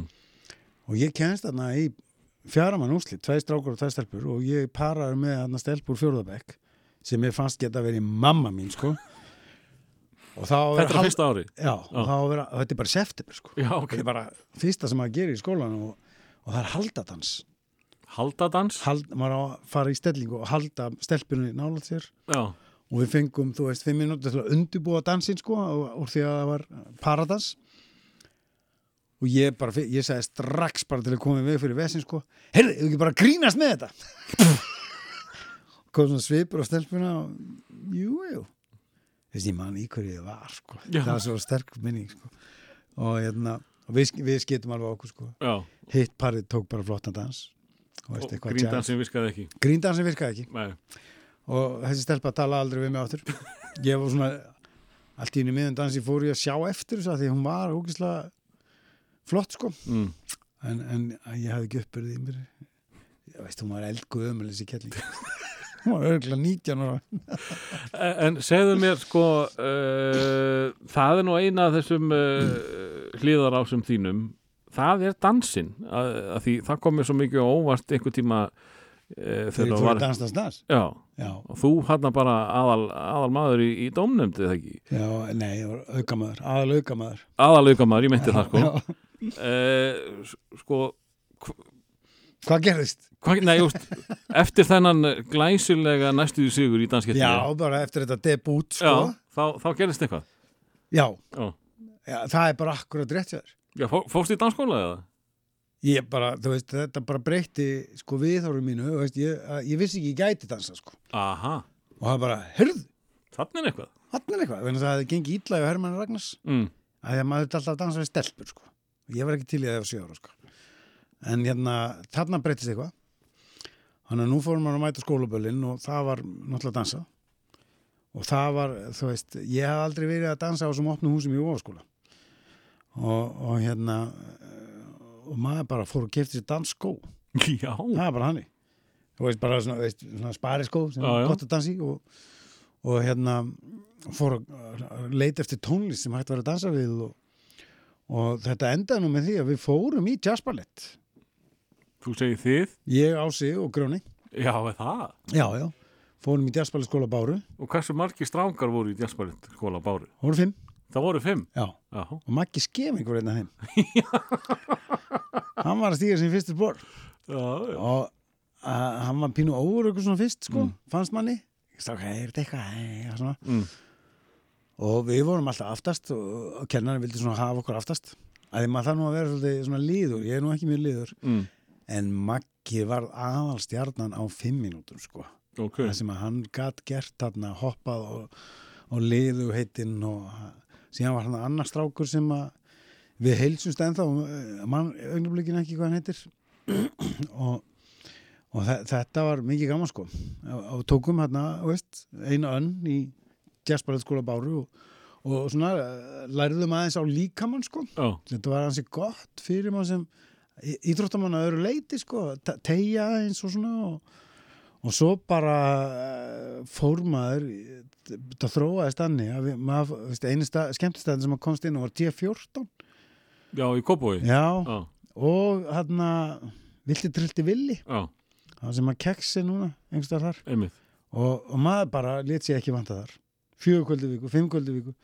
Og bara þar voru einhverju dansar og maður bara fór að herma og, og, og bara maður var hann hansi brattur sko bara eftir eitt vetur. Og, og, og svo held þetta áfram. Svo fór ég í leiklistaskólan og þar var hún Hafdís leikumiskennari sem var í því að kenna okkur hérna ímsu dansa. Og þar var ég svolítið heima gekk rosa vel í því mm. að dansa. Og stundum var ég eini strákur sem mætti danstímana því að einir voru bara æ, svo við mig heldur dans. Og kendi Simon Rock, hann kend, kendi okkur og, Já, já, og hann var mjög ánægð með mér og svo eftir þetta eftir leiklætsskólan, við erum búin að kynnast Björk, þá fyrir við í tango tíma og, og, og, og fleiri danstíma og, svo fyrir maður að dansa í í, hérna, í leikhúsinu og svona og, svo fyrir maður að leikstýra og, hafði miklu skoðan á dansinum og, svo fór ég að leikstýra í Finnlandi og lendi þar með danshöfundir og leikstýra söngleik sem fór bara á kvöldin að uppfræða mig um dans já, þannig að við vorum hann á dansvídeó og, og, hún, og, og ég varð mikill sérfræðingur á þannig tímabili sko. og fylgdist mikið með því sem var að gerast í dansheiminum og, og veist, þetta einhvern veginn vissi enginn af þessu Nei, nei. Þú veist? Ekki að fara í blöðin, herðu, ég er að læra þetta nýjan dans nei, Nei. þannig að já, það kom mörgum ávart þegar að hérna hver- vissu það? Svo hver gætt bent á því? Já, þeir sem að eru leikur svona, ég, ég er nú ekki viss um hver það var sem bent á mig, sko. En hérna, en þau vissu, ég leikst þetta fullt að, að hérna músikulum og, og, og þegar maður leikstir að uh, söngleik þá er náttúrulega helmingurinn dans Einmitt, og einmitt. það maður þarf að hafa, setja sig inn í það, sko. En þessi, þessi danskeppni uh, sko, ég veit að þá sérstaklega með stráka það er hræðislan við að dansa Já, og þá ennþá meira hræðislan við að fíla það að dansa. Já, uh, maður dansa kannski en gera það í gríni Já. svo maður hafi það, þá afsökun Já, ég var bara að djóka. En þetta kvöld þarna, örlega kvöldið í, í MS, þetta smalt saman. Þegar þetta small allt saman, Já. þá voru við semst, og mjög margir. Og ég er náttúrulega byrjaði að grína, sko. Algjörlega. Og hérna og svo datt ég það að fíla mér rosalega vel og það var rosalega gott að því að það voru svo margir. Mm. Gat ég, veist, það var mjög já, og veist, og maður lögði, ef mér fannst ekki verið að horfa það var náttúrulega tveir dómnefnd að horfa sko. Og ég, maður bara bjóst við að detta strax út sko. Og, veist, og allur bekkurinn minn mætti sko. Og svo voru bara fór uh, allur bekkurinn að detta út það voru tveir, þrýr þannig að þessi góður í bekknum mínu samt sko, fyrsta bjö mm. og, og uh, þetta bara þetta var bara algjör veist, þetta svona opnaði heiminn fyrir manni að það var ýmislegt sem maður vissi ekki um sjálfa sig sem að, að maður gæti þetta sko. það, það, það, er svo, það er svo skemmtilegt þegar maður uppgötar eitthvað svona já, sérstaklega sem maður er, er hrættu við. Já, Uh, úst, ég elska að dansa en þú getur ímyndar að sjá gamlan feitan stóran sköllóttan kall dansa það er ekki þetta fallega já, svo er maður rolin með þetta núna því að maður er ekki eins góður um að það var. Já ég því en hérna, sko, gleymin alltaf að segja þú veist, að svo kemur thriller út sko, mm. og MTV opnar og þú veist, Skonrock byrjar í sjónvarpinu og þetta fer allt í gang, sko. Já, og, og ferð þá að herma? Já, já, og ég bara keifti það fæst spólur með Michael Jackson sko sem að allstæðara sem komst í það. Og, og stúderaði hann og, og hérna og, og svo voru svona uh, sérstaklega minnist þetta myndband sem hann gerði við eitthvað lag og hérna Michael Jordan var með honum í leginu já, já. og hann var alveg hræðilegu dansari því þetta var allt svo langt svo, svo mjúkt og svona og svo var uh, myndbandið fjallað það þegar Michael Jackson var að kenna Jordan að dansa og, og ég vitna oft í það sem að Jackson sagði þar sko. Hvað sagði hann það? bara til og með þess að gullvægu setningu put all your energy into the movement Mm. Og það var líka svona, já. Það er þannig þess að neglir hann þegar hann setur fótinn aftur fyrir það og hann hendin út um leið. Það er ekkert svona eitthvað slaft það er bara nelt. Það er hraðar hreyfing Já, og, og- og stopp. Einmitt. og maður fór bara að æfa það. Uh, að því þú talar um Jackson uh, var Jackson uh, heitur þá á heimilinu? Eins og ég sagði á með Hallgrimur fílaði hann með þessi já.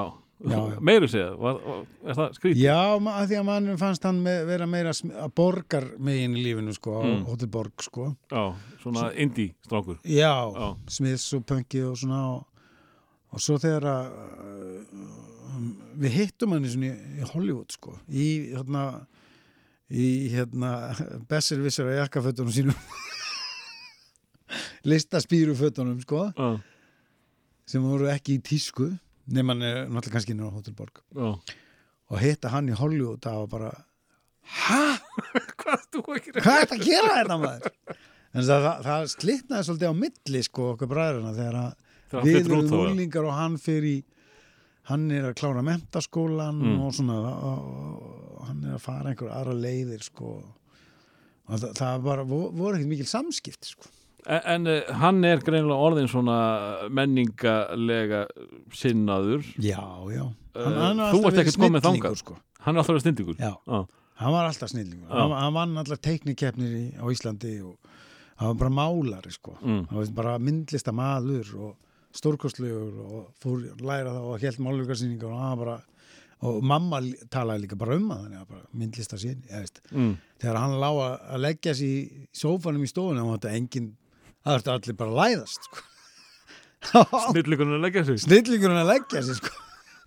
Hvað með þig sem að já, fer kannski ekki alveg sömu leið í, í, í þessari menningu? Nei, nei. Hvenar, hvenar vaknar uh, Sko, allt, já, sko, eh, það var svona uh, þáttaskil í, held að það verið sko í níunda bekk, fyrir en áttunda bekk, við áttum að skila inn einhverju ritgerð sko til, Ísli, ís, til Guðuna, íslensku kennara, mm, sem var mesti töffari sem ég hefði hitt sko á æfinni, hann gekk alltaf um með tyggjó, hafði verið í landsliðinu í Körubólta, átti pulsuvagnin Ok. Og, og, og, og flottan jeppa. Og hann, veist, maður hafði tilvíkun að kenna væri bara hobby fyrir hann sko. og svo voru að læta á ganginu þegar hann var að ganga frá kennarastofinu þá sagði hann bara, hei, slæka á. Og maður bara fú, slæka á. Og hérna hann, hann hérna laði fyrir eitthvað verkefni að skrifa reitgerð eða smásögu sem átti bara að vera tvær blaðsýður mm.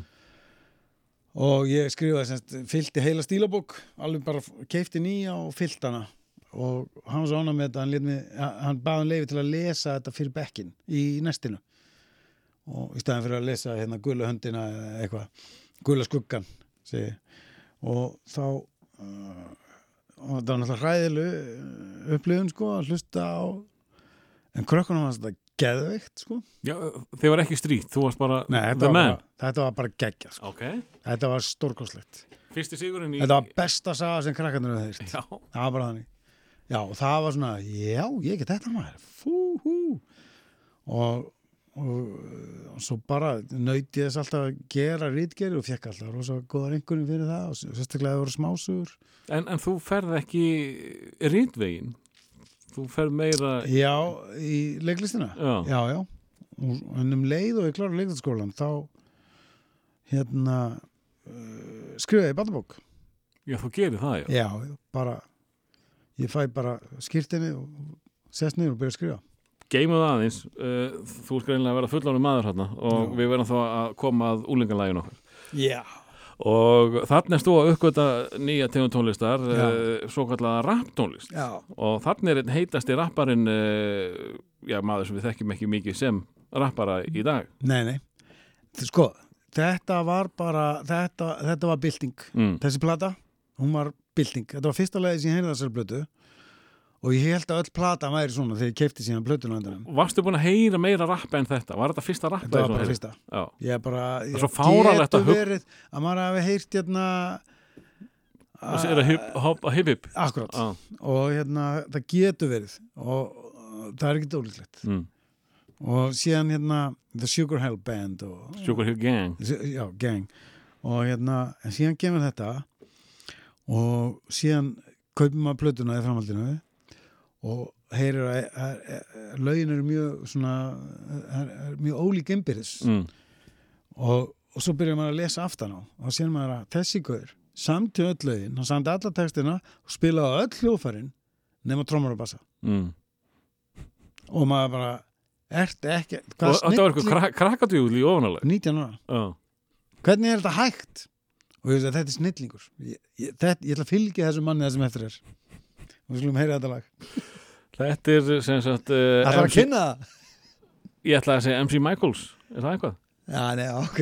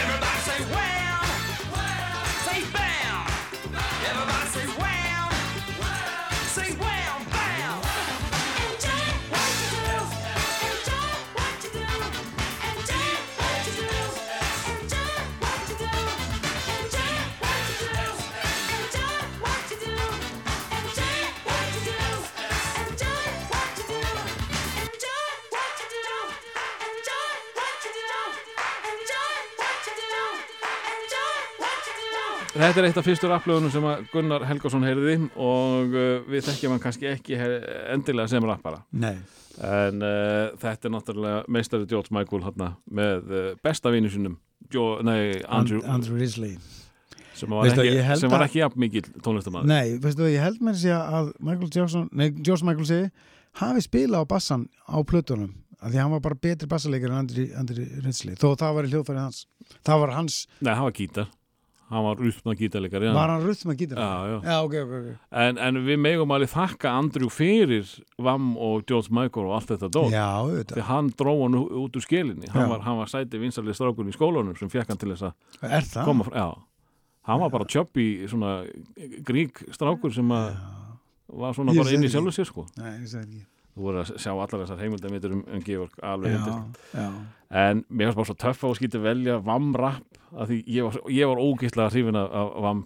Já, ég var ekki í djúran djúran eða Vamliðinu ég, ég var uh, sko annar staðar. Ég var, já. var Katsi Gúgú Nei, ég ekki það ég var meira- Læmal en, en eini hljómsveit, hljómsveitabólun sem ég átti frá því ég var svona 12 til 30 eða eitthvað, Já. það var vam. Já. klýra hérna ermalögsból Já, þú verður ekki mikið flott en það. Var það, var það hérna úr Wake Me Up Before You Go Go Nei, það var held ég svartkvít cover af Fantastic plötunni. Já, uh, svona einhver, einhver það, en það kom í ljós ég hafði rétt fyrir mér.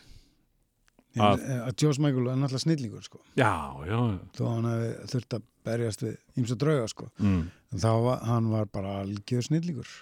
Og, og ég var svona var megin í þessu djúran djúran dæmi sko.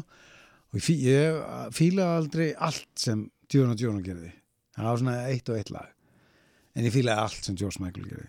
Ég, ég var það sko að mér fannst djúran mun betri hljómsveit en George miklu betri söngvar já, og uh, sko mér finnst mörg lög djúran lifa betur heldur en vam lög sko. En, Já, já, en sko svo náttúrulega er allt annað 19 eftir ára, sko. Já, nákvæmlega. Þegar, fyrsta, þegar vannplatan kemur út sko. 19 ára.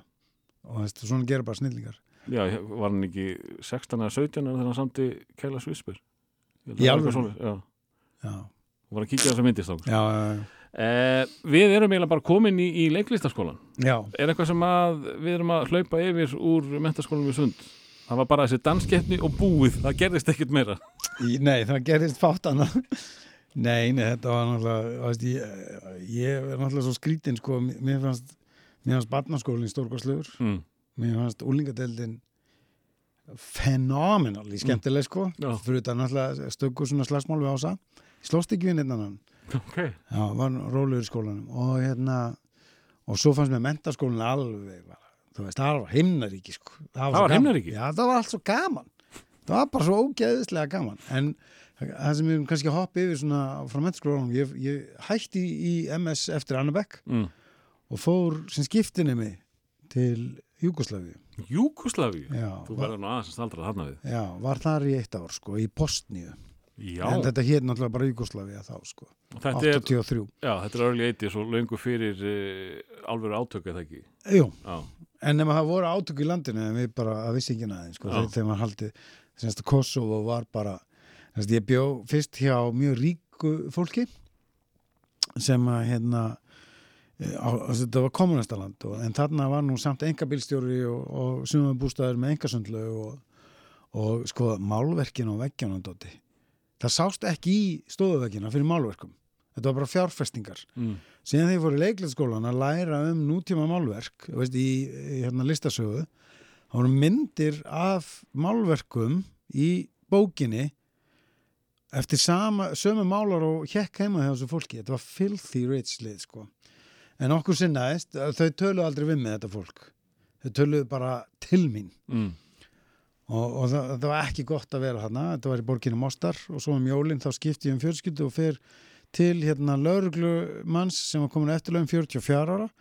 En það, það er að því hann hefði verið tvö ári í Kosovo. Og það var bara lífsættilegt að vera þar. Þannig að hann gæti hægt að vinna svona snemma sko. 44 ára?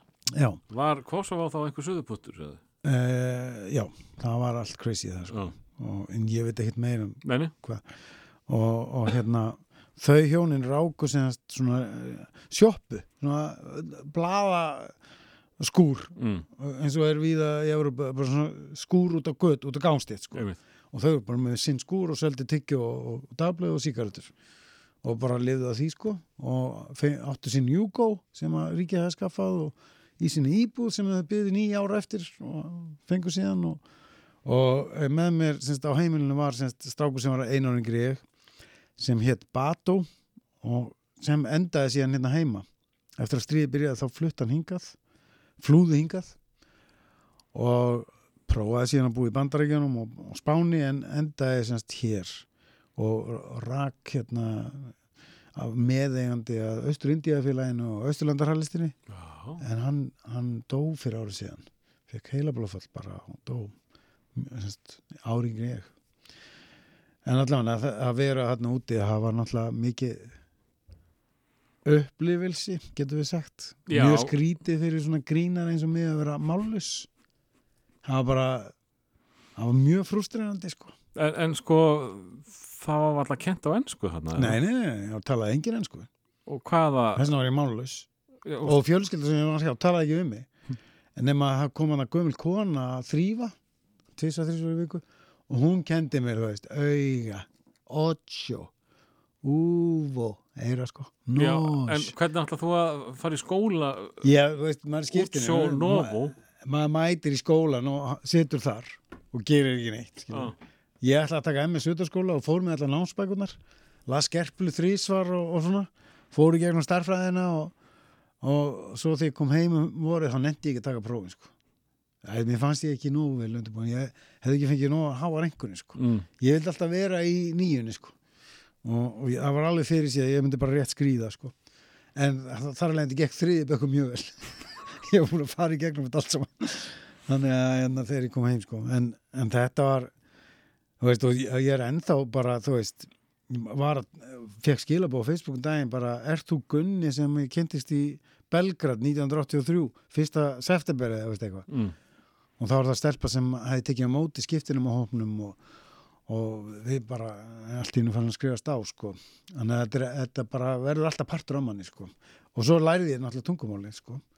þó sé orðin mjög reykaður og hvaða tungumál er það? serbo-krótiska Serb og í Serbíu er það serbneska í Króatíu er það krótiska, þetta er bara saman tungumáli Já, en í Bosníu er þetta þú veist, það er náttúrulega reymar sem eru ólíkir sko.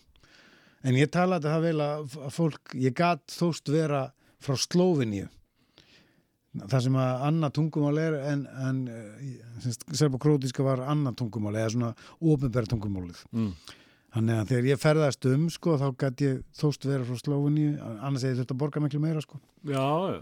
Þannig að til dæmis á olimpíuleikarana 84 og vetraolimpíuleikarnir í Sarajevo og ég, það var svona meðal annars ástæðan fyrir að ég sótti um Júkoslavi og ég fór að horfa og að kaupa með hana, þú veist þetta var alveg rosalegi peningar sko fyrir svona, þú veist maður átti enga peninga og maður var ekkert að ringja heim okkur um degi og var ekkert að fá að senda peninga. Mm maður bara fór með 20 skall og það var að döga og hérna og það, þeir komu bara horfði á mig, ljósarður, bláeður já, hérna, þetta kostar miljón dínara.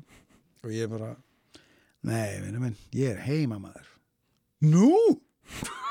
Þú lítur út, ertu frá Slófinni já, já, ok, hérna þúsund dínara. Við þannig að það var, var mjög gaman sko. Hvað, veist, hvað gerður á þessu tíma? Þetta er heilt ár. Já, uh, ég var bara í hausnum á mér. Já, þú varst bara inn á við? Já, nema ég eignast kærustu þarna í Mostar sem var áringri og hérna uh, var múslima stelpa mm, og hún talaði smá einsku þannig að ég bara flúði út af heimilinu og var, hitti hann á hverju einast kvöldi sko. og við fórum að dansa og þar var einhver pínlítil staður þar sem að dansa og þar var annar strákur sem var ógislega góða dansari. Hann var alltaf hommi sko bara bara kallmenn hommasekúnda. dansi ekki þarna sko. en það er engin hommar þarna heldur sko, að en maður sá það bara strax. Og hérna en, en þetta var bara mikið æfintri svo þegar ég flutti til Túsla til hans Batós þá breytist allt sko. Já, hann talaði pínlitlega ensku og, og ég, ég hjálpaði hann mikið að læra ensku og hann hjálpaði mér rosalega mikið í, í tungumálagnáminu sko að bara hlóa alltaf að mér og, og skerði grín og alltaf poti mig og hann var frábær gaur sko og svo bara, þú veist, var bekkurinn æðislegur og allir einhvern veginn tókum henni svo vel Mm. bæði heimilið og bekkjafélagarnir sko, krakkarnir og bara einn bekkjafélagi minn sem ég náði sambandi aftur við út á jarðaförinu hans Batos í fyrra kemur bara í ljós, hann var snillingur sko hann á þessu tíma, hann var bara að tala um hans snilling. Hann var bara tónlista snillingur og þú veist, maður var alltaf kynntur í, sko, í Júkoslavið var alltaf, já, það, þetta er Damir hann er, hérna, ógislega góður í tennis. Hann var alltaf eitthvað eitt nefnt sem að sem við komum, var góður í. Og mér fannst þetta svo fallegt. Og þú veist, og það var allt maður, ma- maður fekk aldrei að sitja út í hotni og ekki kynna sig maður lærði að vera opinn innan um stelpur og innan um eldra fólk og þurfti alltaf að kynna sig og segja eitthvað fallegt um sjálfa sig í leiðinni. Þetta var bara stórkostlegt. Aldrei dottið þetta í hug. Og ég var bara mestu vandraði með þetta og, og veistu, að finna eitthvað jákvæmt um sjálfa mig og ég held að endan að þetta veri bara þú veist, já, ég er góður og skýðu með eitthvað, þú veist, whatever. Mm. og þetta bara uh, náttúrulega hjálpaði manni og kom heim og, og það opnaði svona stelpu katalógin fyrir manni sko að þóra að tala við stelpur og þeim fannst alltaf skrítið að hitta íslenska strák veist, stelpunum við heima sem kom bara og kynnti sig. Þeim fannst að það voru allir bara what? Hvað er þetta að gera maður? En, en sko, veist, eins og ég tala um þig eh, ég er nú ekki að reyna að móðga þig en að, að þú hafi verið ör uh, varstu samt frekar lokaður já, ne, já, já bara feimið stelpur maður. Það- skítrættu við stelpur. en, Já, eh, fyrir þetta En, en sko, gast alveg verið uh, trúðurinn sem þú ert uh, fyrir stráka? Já, Þú varst ekki Já, fyrir Þá þú eru eldri, Nei, fyrir að, já, að láta stelpur hlæja það var geðveikt sko. en, en að fara eitthvað að reyna Já, já, reyna sko, það var bara ræðileg tilhúsin sko. Og bara eitthvað sjálfströðsmál kannski, þannig að Júkin þér þetta. Já. Og það líka, þú veist, bara maður var svo fallegur í Júgoslæfi maður var svo venjulegur hérna heima Mm. en í Júgoslæfi var maður svo fallegur það var bara, það bara eldri konur að koma Klappa til maður kollinn. og bara koma við hárið á manni sko. Þú veist, að því að maður var svo ljósærið sko. Já, og hérna og, veist, og bara eignaðist kærustu bara svona sem kom bara og reyndu vimman mm, það var bara, maður bara segja já. Og þannig að það það var, veist, ekki það að ég vaði í verið í einhverjum rosa já, eignaðist bara kærustu og við það satt sko. já, þá til ég flutti og og eignaðist ég enga kærustu. Nei. Og hérna, en þetta var bara já, en ég ætla að segja bara hvað þetta hefur ennþá áhrif á líf mitt sko, að þessi strákur sem var snillingur, tónlistarsnillingur í bekknum okkar hann eh, stend alltaf til bandaríkina og fór í symfóníu hljónstu æskunna sem er apparatreikja saman í þjóðunum og fekk í kjölfari hérna, skólastyrk í bandaríkjunum og núna er hann ásamt Íslendingi aðal treylera tónlistar höfundur draumaversmiðunar í Hollywood. Já, Damir Price heitir hann og hann er með fjögur fyrirtæki sem hann og hann gerir trailer fyrir Netflix og, og Hollywood og bara katalógur hans er náttúrulega fáralegur og við höfum náð svona vel saman eftir jarðafyrina þarna í fyrra sko. Já. og, og hérna vonandi þá slitnar ekki sambandið aftur sko. Ég verð að spyrja, hvað fekk til að fara þangað? E, Það var- er þetta vinstri sinnu fjölskylda? Nei, já, já, en mér langaði í Alpana sko. Já, já, það var sótt- sem Já, að ég sóttum Austuríki, Sviss eða Ítalíu. Mm, langaði ekki til ástæðum og til Vara var þarna Jugoslavia og AFS hafði aldrei fengið umsók til Jugoslavia frá Ísland áður þó það væri bara til Vara og, og til Vara að því að þarna var voru olimpíuleikandir mm. þannig að eh, já, þannig að þau spurði hvort ég væri ekki alveg til í að fara þangað sko. Eða, skella okkur í, í hérna e, hvað heitir það? Fullorðinsvæðis. Leiklistaskólan? Leiklæðskólan? Já, Já, það var hræðilegu tími Veitu, þú, þú búin að vera frábært tími, frábært tími, frábært tími og, Já. og þarna kemur skellurinn eða Já, andan kemur skellurinn var, samt er þetta eitthvað sem að, þetta er svo mikið þú myndi ég halda, já, leiklistaskóli Já, en þarna eru bara, þú veist, átta ég. og það er bara mjög erfitt.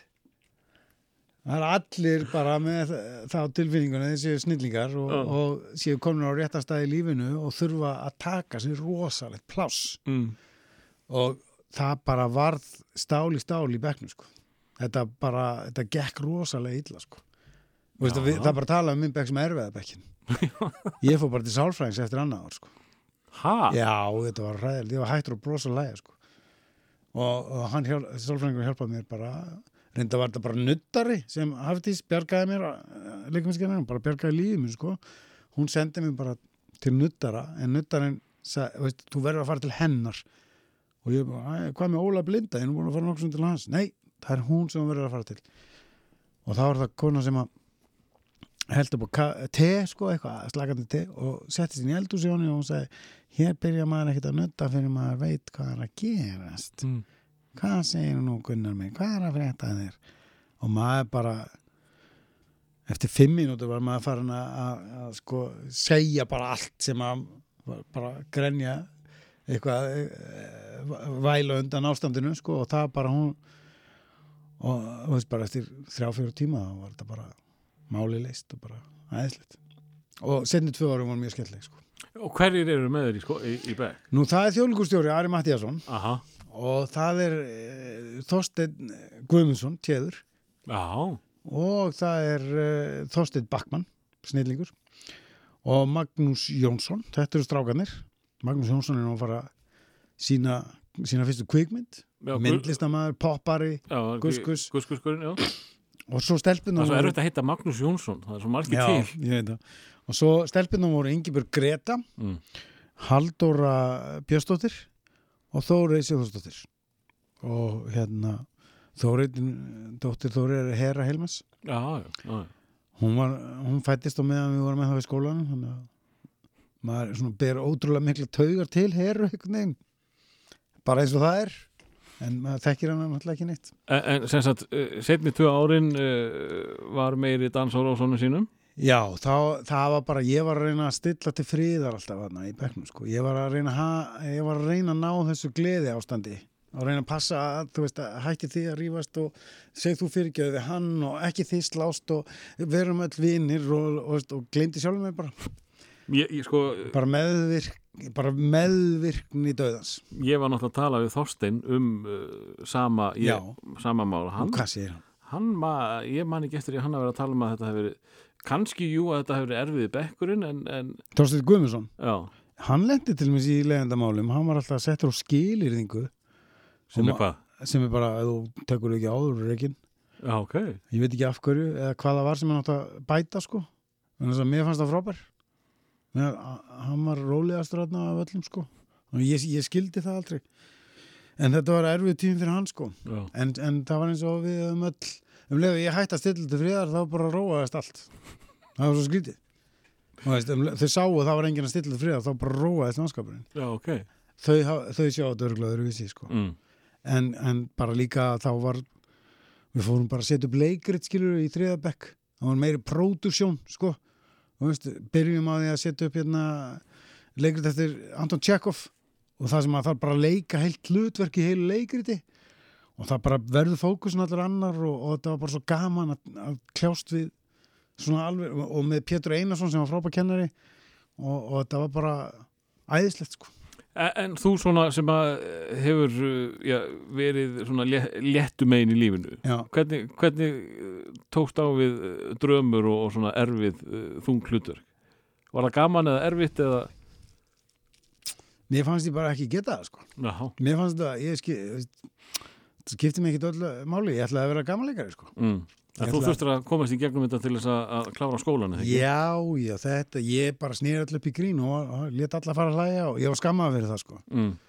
Var ekki meina- lítið niður á, á grínara á þessum Jú, tíma? jú, það veist, bara strax í fyrsta bekk, hérna, fyrsta verkefni í fyrsta bekk þá e, leikuði eitthvað rugl leikrit sko eða svona bút úr því, þú veist eitthvað 40 mínútur eða eitthvað og ég bara er eitthvað, eitthvað svona lögreglu fastiti sko og mér fannst það bara borlíkjandi að þetta geti verið fyndingur sko.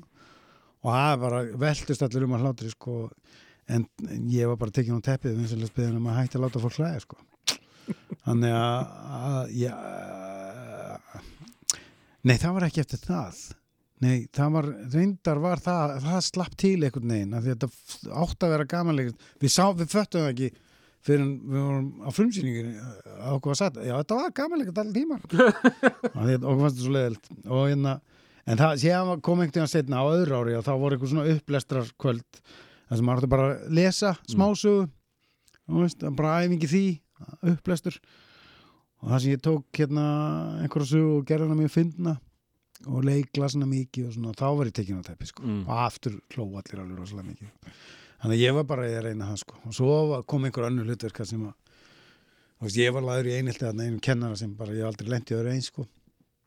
og það var akkur þetta drama hlutverk þannig að það- virkaði bara mjög vel greinlega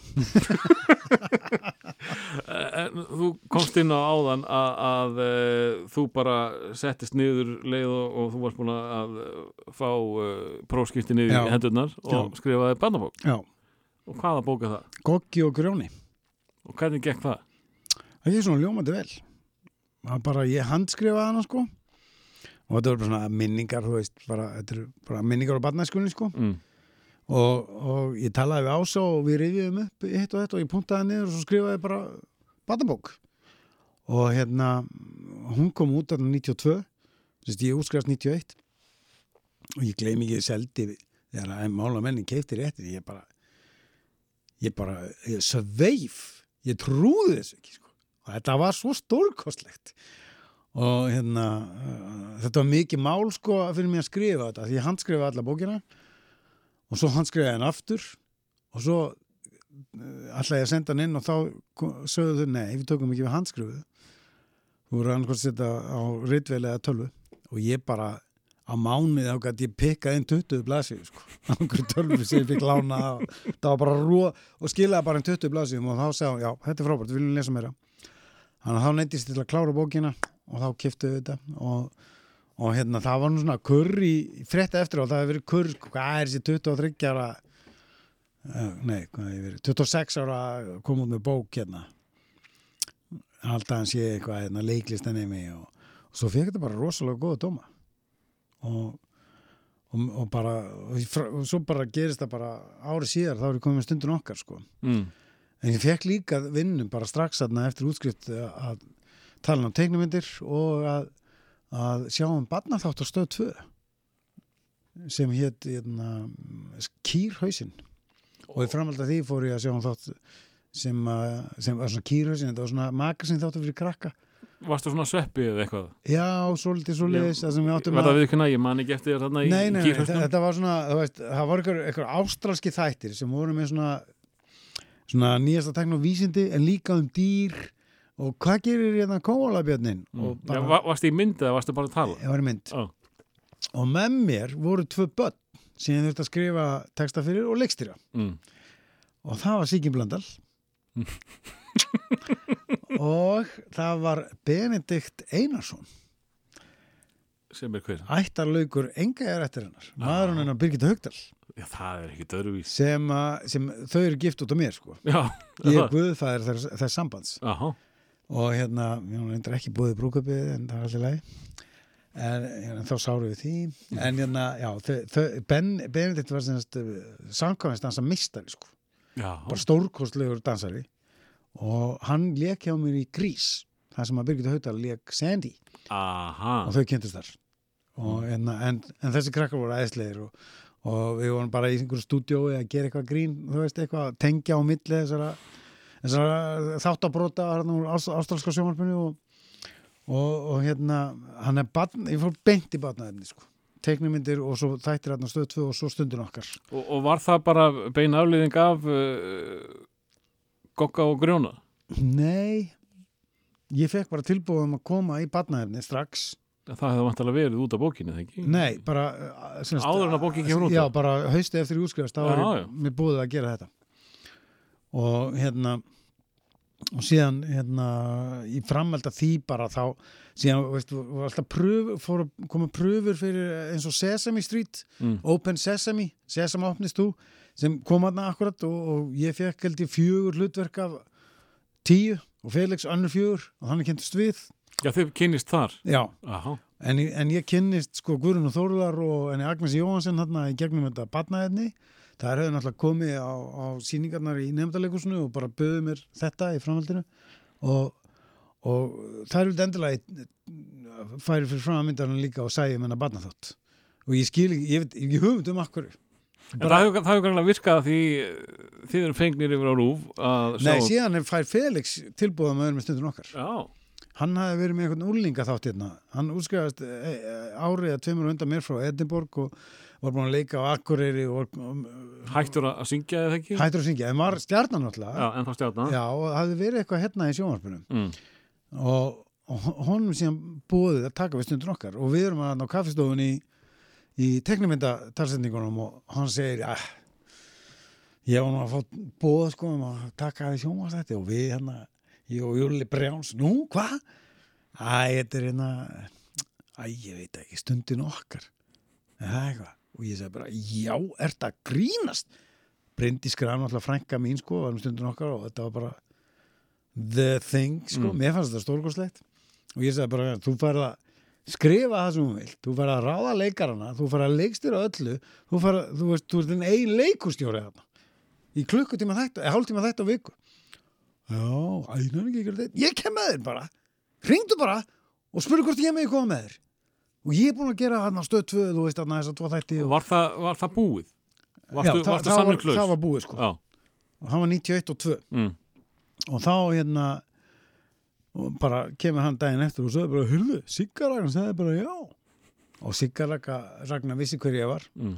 náttúrulega lítið tleimur, hún og mamma og eitthvað, einhverjum semaklubbi eða eitthvað, ég veit ekki þannig að þannig vildi það til að við fengum þetta Og þetta slæð svona heldur betur í gegn. já, Uh, og, og stundin okkar var uh, að mestu leiti bara fyrir krakka og börn. já, En þið náið að, að, að vika þetta töluvert. Ég horfði ofta á þetta. sko. já, við fengum Röggu Tost hérna, framleganda með okkur Mm. og hún sagði bara strax, strax ég nenni ekki að gera þetta ef mér finnst þetta ekki fyndið og við bara já, við erum samla við bara, ef, ekki, ef okkur finnst þetta ekki fyndið þá gerum við þetta ekki Mm. við erum ekki að fara að tala nýður til barna, við erum ekki að fara að búa til einhverja rattir jæja krakkar heldur er þetta bara grín og fyrirmyndan var náttúrulega Bert and Ernie frá hérna úr Sesame Street Mm sem eru bara tveir vinir alltaf að, töða En þeir eru samt brúður, það ekki? þeir eru brúður Já. en bara þú veist hugmyndin, tveir vinir að kljást við mjög hverstaslega vandamál þú veist, eins og það sænginu og stutt eða eitthvað, þú Mm. veist hvort að ég láta hausin standa upp úr eða tætna, ég geti, þú veist, rosa vandamál sko, eitthvað svona pínlítið sko, Og, og þið fenguð uh, frekar frjálsar hendur með að gera fengum bara að gera sem við vildum sko. Já. Fengum bara budget með ekki eiga meður peningar en þetta Já. og bara let's go. Sko, ok, gaman í leikskólanum grunnskólanum og úlingadeildinni og bla bla bla. En þarna, þarna var komin í dótakassan þarna ertu komin í dótakassan þú ert aðal leikarin, þú ert leikstjórin þú ert aðal gellan í öllum störfun já, með Felix Já, með Felix og, náttúrulega þetta, það var, og ég er týpuri þannig að ég er ekki viss um að ég geta gert þetta eitt sko Nei. En samt hafði ég náttúrulega gert sjónsætti þarna á stöð 2, segi það nú ekki. En þetta var bara stórkoslega, þetta var líka að hitta eh, mann eins og Felix sem var bara, við vorum á sögum blaðsíðu sko. Já, En þetta þótti nú ekki fínt átti. er það ekki? Fyrir ungar leikar að vera með stundin okkar. Nó. Þetta var sjálfsmorð. Fyrir ferilin sko. Sko, þrátt fyrir að þið hafa slegið í gegn eða? Já, það skipti einhver máli, þetta var batnaefni. Þetta var batnaðið Já, hvað er þetta Gafst þú batnabók? Hvað er, er ekki lægi með þig? Já, og þetta það- hafði áhrif á mig, skilur þannig að eftir stundin okkar, þá bæði ég hætti að skrifa barnabækur og bara hætti í barnaefni og reynda að verða Já, er einhver það annar en ég er, sko Já. og það er ekki fyrir en sko árið, þetta er 95, sko sem þú hættið með stundin okkar Já, og, se, og setni bókinu Goggur Jóna kemur út. Já, og, og hérna og svo skrifaði ég reynda eina bók hérna 97, sem- að ég var beðin um það barnabók, sko. En það er ekki fyrir, þú veist, 2010 að næsta barnabók kemur út að ég fer aftur í þetta, sko. Það er þá fyrsta boltabókina eitthvað? Nei, það er uh, Nornin, þá bað uh, Björgun Frans með að hjálpa sér með stundin okkar mm. og skrifa hana með honum. Og við byggum til einhvern svaka heim og baksögu og skrifum og skrifum og, og ég fór með það inn í forlega og þau voru til að gefa út semst, baksögun á baku stundin okkar ah. og hérna mjög falli bók og mjög skemmtileg seldist ekki mikið En af hverju, úst, Sama ár þá er ég hætti hjá Latabæ, ég hef verið eitt og hálft ár hjá Latabæ og það, bara, það var bara life changing experience að, vera hjá Latabæ hvað varst að gera þar? Ég sá um leikritin Mm. Það var stóri leikrit út um allan heim. Ég ferðast út um allan heim að horfa á latabæði leikrit Já, já. og koma þeim saman ná að þýða þau yfir á ensku og að bara að búa til leikrit að banka sem latabæðir ef einhver vildi setja upp leikrit í Kanada þá var bara, já, hérna eru 20 leikrit sem getur valið úr. Hvað á að vera langt fyrir hvað marga leikara og svo leiðis og að ég var bara í eitt og halvt ára að gera, gera Hversu stórt var þetta landabæjar verkefni meðan að það var uh, sko, hvað stæst hér heima? ég, sko, ég, það var engin sjónvarsframslega með að ég var hana Var það búið að Nei, það var í, í pásu. Fyrir, fyrir parturinn, fyrir tvær seríunar var komin en ekki setjum mm, og, og fyrir mér og, veist, þetta var samt stórfyrirtæki sko. ég haf aldrei verið fastri vinn áður. Mm. mætti bara klukkan nýju og fór heim klukkan sex og, og, og, og, og í ma matsalunum horfði út úr gluggan og var bara einn sko var eitthvað að hugsa veist, hvað ég ætti að gera næsta því ég var mjög sjálfvala þarna. Og, og, og svo heyri ég tala þú veist og lítið kringum og þannig er tveir lögfræðingar nei, þrýr lögfræðingar. Þannig er bara bókaldstildin þannig er söludildin þannig er fólki sem er að samþykja hvernig skólatöskur eiga að líti út úr verksmiðin í Mexiko og þess að bara og ég er búin að vera í sambandi við fólk út um allan heim og, og hérna ég er búin að vera í sambandi við BBC og fara heimsækja BBC og þetta er bara, það er allir bara það finnst engum, það lítur engin niður á barnmeðni í þessum heimi og ég veist bara, vaknaður þarna Já. í, í landabæ? já, og ég veist bara hvað er að mér? Mér leið best þegar ég var með stundin okkar að skrifa barnabækur Já. ég ætla bara að fara að gera það aftur þannig að ég fór bara, En fyrsta selst ekki vel. Hva, hvað jú, hún seldist rosa vel Nei, nei, varst að- nei, ég var 2010 bókin nei, hún seldist ekki vel Hvað, hvað, úst, akkur heldur áfram? uh, bara, ég ákvað bara að gera þetta kýla á þetta, fyrir, að fullri alvöru gera og ég ákvað að- að bara selja mest og bara vera bestur vanda mig ógislega mikið og fara ólinn í þetta, ekkert hobby ekkert, veist og svo náttúrulega bara þetta er það sem ég ákvað, ég er ekki að segja ég sé bestur eða eitthvað svoleiðis, ég bara ákvað að reyna það Mm. og hérna Komin að vaksta hormongreinlega aftur? Já, þú veist að ég bara, bara fór algjörlega af fullum kraft í þetta og, og hérna svo kynnist ég manni hérna hjá eh, í Latabæ sem að segja mér svakalega sögur úr sinni barnæsku og það er dramatíska sagan í fótbollabókunum sko, mm. drikkju pappan og ofbeldið og sem ég, mér langaði alltaf að skrifa hérna, fótbollabækur fyrir strákana mína því að mér fannst þegar þeir voru að læra að lesa, mér langaði að skrifa bók sem, þú veist, var ásis á fótbolta, en ekki ásis á sól eða eitthvað, Já, en það bara, veist, það gekk ekki upp, sko, þannig að mér langaði alltaf að skrifa fótboltabækur og ég hefði lesið fótboltabækur þegar ég var lítill, sko og sem, sænskar bækur sem mér fannst bara stórkostlegar, en serían kláraðist aldrei. Mm. hérna heima, sko. Og og var ekki gefnan út allar bækurnar. Já, já, ok. og það var- ennþá að spáði hvað varðum hæðagarsliði sko. og, og, hérna, og ég á strák sem var eiginlega hættur að lesa þarna 11 ára og ég bara hvað ef ég myndi skrifa bók fyrir, hvað myndir þú vilja lesa? Fótbolta Þannig að ok, það er bara bara, hann er bara eins og ég, mér langar að skrifa um fótbolta Já, ég meina, Ég fór bara í það sko, ég á stelpu sem að er í fótbolta, sko. Já. Hún er búin að lesa alla bækuna einar mörgusinnum. Já, Þannig að markaðurinn er svolítið stór. Af því þú þarft ekki eins og að vera fótbolta áhuga maður af því sagan sjálf í kringum þetta er, Já það er mikið að gera stundum allar já, en, en að, að fá síðan líka eitthvað sem að maður elskar í, sko bara í heiminum. Uh, það er náttúrulega bara algjör snill, sko. það það Ég skil, af hverju er ekki fleiri fótbolta myndir í sjónvarpinu mínu? Ertu búin að sjá hennar heimibanni, norsku þettina? Já, elska eru Elska maður. Akkur er ekki meira um þetta? Ég veit það ekki, að því úst ótrúlegasta fólk var um þetta að tala um uh, sko, Heimabanni? að var alltaf aðalega vegna þess að það var hvern þjálfari þarna yfir þessu sem var sniðut mjög sniðut og, og, og karakter frábæð karakter það var allt ógæslega vel gett en það nema held ég að liðinu var að akveitur, ég skil Sjá ekki. hvernig svað hann til að komast að vinna Þú getur ekki látið markmann í í Nóri vera bara með bumbu sko. Já, og, og það var allt annað í lægi mér er að John Carrow var Hann frábær, frábæleikari hann bara frábær. En svo, herðu, svo skulum við fylla upp í þetta með einhverjum Skrítið. bumbustrák í, í marki sem Já. að enginn tekur trúalega að sé í liðin Já, Ho- Horfðu á hérna Vítivesmanni mannarsvegar og heimibæn hins vegar og séu munin á fótballtadriðunum mm. Hérna heima, við völdum krakka sem kunnum fótballta mér, finn, mér fannst að vísu mörg fótboltadriðin ágætt í, í hérna, norsku Það fór eftir hver var í þeim. Já, vísu, að vísu. En Þeir margir af betri leikarinn Þeir voru misjafni leikarannir Já, en margir af, sko Betri rauðhærði. úrlingurinn Rauðari, Hann var frábær. Hann var góð, já, þunglindunglindurinn og, og náttúrulega, já En það er rétt hjá þér að, að Mér fannst þetta hefnast betur í okkur já, vissulega Það var bara, það betra að, að minn, að meira áhersláta hjá okkur heldur en þeim sko. Mm. en þetta eru frábæri þettir og núna er ég að horfa á Netflix Hvað, ertu með eitthvað fótbolta það? Till You Die Já, Eh, Sa- I. Die, Sunderland Það er æðist. Ertu búin að klára það? Nei, nei, nei, ég, Nei. bara, ég tók fjóra þætti gærkvöldi Já, þú, þú, Ég þú, datt niður út að gær þú átt eftir að klára þetta í kvöld. Já. En uh, En semst, þa þarna var bara ákvörðun barnabækur einu ári, mm, minnstu kosti en, en sko, Ég ætla bara ég bara, ég ætla að vera Astrid ég ætla að vera Guðrún Helga og þú ert bara á þeirri vegferð núna. Já, En, en, mér finnst ég ekki geta skrifað nú hratt sko. Þú veist, ég bara er með svo margar ég meina, sko, tilbúnar fjórar hugmyndir og ég bara, nei, fimm og ég bara dagurinn er stuttur sko. en ég er búin að skrifa 12 tíma dag núna í janúar ertu hættur í boltabókunum?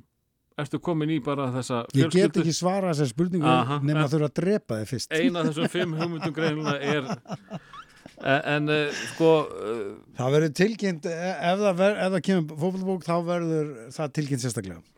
en uh, það slæri gegn. Mm, af hverju mjólkar ekki bara það dæmi? Því að það, það var bara komin ákveðin lok á mál Ívars sem Mm. er hérna vandamálabarnið í bók, bókunum sko. Já, kannski ekki búið til bara einhver aðra Jú, en frá- ég fekk bara hugmynd að mömmu klikk og ég Ah. var bara, eins og segi, það er bara dagurinn er ekki nú langur sko. Ég veit ekki hversu oft uh, dóttir mín talar um uh, mömmu sína á brjóstónum eftir að hafa lesið þessa bók. Ég, það er mjög algengt á heimilum mamma ekki, ekki, ekki vera á brjóstónum Já, það er einn stelpa sem er í, býr í stekkjakvaminum í hefnafinni sem vinkun okkar Mm. sem var í, í hérna, sjöttabæk þegar bókin kemur út. Eða fimmtabæk og hún fekk fyrsta eindakið hún fær alltaf fyrsta eindakið hún Margrét og hérna og hún fer með bókin í skólan og það byrður kennan að lesa þetta í skólan bara og þá, þá, þá veit enginn að þessu, þá er þetta alveg nýtt Já, þetta er bara alveg nýtt sko. Og veist, við veitum alltaf hver ég er og svona en þetta er bara og bara tveim ykkur síðar þá koma skilabóði gegnum mömmuna sko. heyrðu, það er skilabóðin til frá hérna kennaranum og skólahjókunarfræðingunum bara þakka þér kærlega fyrir. Þau þurftu að flýta kynfræðslu um tvö ár. Í öllum skóla út af þessum kapla nei, út af blæðingunum sko. En þess að strákarnir í 11 ára bara blæðingar? Hvað er það? kennarinn þurfti bara að leggja rosa bókina. Á, ok, strákar. Sko, en þarna, sko, þetta er náttúrulega meira grín heldur en fótboltabækurnar. Já Það er eh, meiri- bæði og sko. Já, og það er, þetta eru fyndnari bækur. Já, við getum alveg að samla það. Já, uh, er ekkert hægt að, að ertu ekkert farin að pæli að setja þess á, á, á silfur skrínið jú, er búið að opinbera það að það sé nei, ég er bara að pæli þú ert að pæli við erum að leita leiðum. Erum að lesa hana? já, já, ég hef örgulega að lesa hana fyrir uh, það er semst tvist í lokin. Mm, þegar kemur í ljós að aðal karakterin er í hjólastól. Og þetta sko fullotnir svona helmingur af fullotnir sem lesa bókina sjá þetta, þú veist heyrðu? Er, það er eitthvað í miðri bók sko. Mm. byrjaði að fatta, sé, hún, er hún í hjólastól? En krakkar, þau er ekkert að spá svona, þau bara lesa. Og svo bara í síðasta kallan bara, what? Akkur hún í hjólastól? Og fletti bara, já, hæ, já og ég hef lent í rifildi við börn sko sem bara, bara trúaði ekki að hún sé í hjólastól. En hvernig gerur þetta í kvikmynd? Eða Mm. þú veist, hvað þú getur ekki haldið í all, alla myndina skilur við, eða hvað. En þá þarf þetta ákveðin stíl, þá er þetta allt point of view. Er, er það ekki svolítið þreytandi? Þú veist, við erum að færa í gegnum þetta alveg miljón sinnum sko. Ég og, og einn ákveðin maður og við erum að reyna að finna leiðina að þessu. Getur þetta. einhverja aðra föllun já, þetta er bara í hug. Já, já. En, en þetta, þetta er svona og, og, og núna er leikrit að fara, að fara á svið. Um mömmu klikk þá Já, já. í höst og byrjun óttubur, það er, það er allt að gerast. Það er alltaf gerast. Eh, þannig að uh, þín besta ákvörðun í lífinu var að fara að gera hluti fyrir börn. það er bara hannig Vill svo skemmtilega til að uh, loka lægið í, í uh, þessu spjall okkar er eitthvað sem að uh, já, börn gerði fyrir þig. Já. Getur ekki sagt það? Jú, En þú bjóst til barnið þannig að já, þú var tellingi í þessu sjálfur. já, mér finnst þetta bara mér finnst þetta la, bara, það er eitthvað vitilega, ég fæ alltaf gæsa út Mm. og ég veist að ég get ekki valið lag sem sonu minn hefur gert og þú veist það hefur enginn heyrt þetta lag en það vann hérna lagakeppnina í Vestló fyrir allir ekki eitt og halvt ár síðan. Og hérna er bara mér finnst það alveg stórkostlegt sko. Að því að það er rosa bóðskapurinn eða þú veist erindið er svo ákveðið. Mm. Er, veist, vertu þú sjálfur. Og bara þetta er til stráks sem að þeim félagunum fannst ekki vera hann sjálfur. Byggt á sönnum aðbjörnum þetta er bara, bara orð til vinar þeirra. Jaha. Ég hefði viljað halda það mun lengur en uh, er bara, við erum búin að tala alltaf lengi með það. hún er búin að banka hérna tvisar í þúsund, hún Já. var að nota stúdíóið. Þannig að Gunnar Helgason uh, takk kærlega fyrir að sitja þetta með mér og, og rifja þessu upp uh, sko, við, sko, svo skautu við á, á hundavaði yfir sko 20 ár allavega. Já. en það er fyrir næsta gig. Það er allt búin að koma í fjölmjölunum fyrir það síðan. Já, það já. Ég ætla að byrja þeim að kynna lag og flytjendur. Já, þetta er hljósutin ykkur sem eru þrý félagar úr Vestló sem að eru ennþá að búið til tónlist og þetta er lagið mér líður eins og sért ekki að hlusta. Takk Gunnar. Hæ, ég var að hugsa. Mér líður eins og að þú sérst ekki að hlusta. Ég veit, ég veit, ég líður ítla Ég þekki þetta, ég hef verið þarna líka skil að tíminn geti breytt þér. Bara ekki týna þeim sem þú varst til að byrja með. Ég veit, ég veit, þú þarf tíma til að hugsa.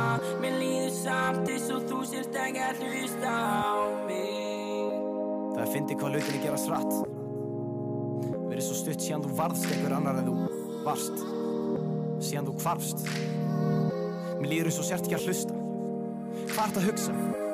Hvernig eru nýju vinniðir? Eru þeir betur en þeir sem þú skildir eftir? Ég veit þú hefur átt það erfitt og þetta er engin ásökun. En þó að það sé ástæða þá er það engin afsökun. Þú snýr í baki alla þá sem þáttu raunverulega væntu því til að gangi augun af konum strákum sem hugsa bara um sjálfan sig. Þessi gæjar sem tilbyðu líkt og í trú. Þegar raunin er svo að þeir eru alveg að hættir og þú. Ég er ekki að dæma. Ég er bara að pæla. Hvort þú getur andað í gegnum þessa grímu og alla þessa spæla Ertu þarna inni? Ertu það þú að baki stýrið? Ertu bara farþið í þínu eigin lífi? Því ég veit og þú veist Við vitum báðir. að þú hefur breyst Hæ, ég var að hugsa Mér líður eins og að þú sérst ekki að hlusta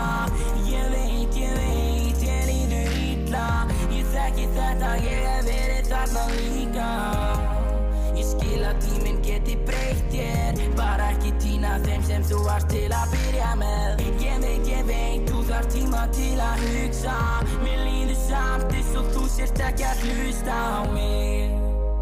Ég er samt ekki reyður Kanski smá vonsvikinn En ég er aðalega forvitin Ok, þú ert einhver annar En segðu mér, er alla minningarnar farnar? Því man þegar við hlóum saman að típinu sem þú ert núna orðin Ég er auðvitað með að finna orðin sem lýsa í hvað ég sé Því ég sé því í dag Þú ert hér, en samt ertu horfin Hvað gerðist? Var eitthvað sem var að til að byrja með? Eitthvað sem fór framjá mér Ég veit að lífið er flókið, ég hefði þetta að segja þér Að ég veri í þínu spórum, ekki vita hver ég er Ekki geta litið í speilin, ekki geta verið einn með sjálfum mér því mentaskóli breytir þér. Það er ekki spurning. Við þurfum alltaf að leita að okkur og sumi fara bara lengri leið. En myndu bara á endanum að koma aftur heim því eina sem ég lærði á minni eigin leit var að líta inn á við og laga það hvernig mér leið. Svo ekki halda á sért ykkur töffari. Því ég þekki þig. Þú blekkir kannski aðra en ekki mig. Mér hefur langað til að tala við í dálítinn tíma núna en aldrei komið stað. Allir segja að þú myndir allir hlusta svo ég ákvað bara að gera lag. Lag sem þú getur hlustað á hvena sem er. Þegar líður og heiminu sé á móti þér, þegar líður og sért komin of djúpt, á sért kannski fastur. Þar til þú fattar að við verðum alltaf hér ef þú vilt koma aftur. Og myndu bara án alvöru vina þá ertu bara hálfur. Ef þú ert ekki fucking neitt, ef þú ert ekki þú sjálfur. Hæ, ég var að hugsa Mér líður eins og að þú sért ekki að hlusta Ég veit, ég veit, ég líður illa Ég þekki þetta, ég hef verið þarna líka Skil að þeim sem þú varst til að byrja með. Ég veit, ég veit, þú þarf tíma til að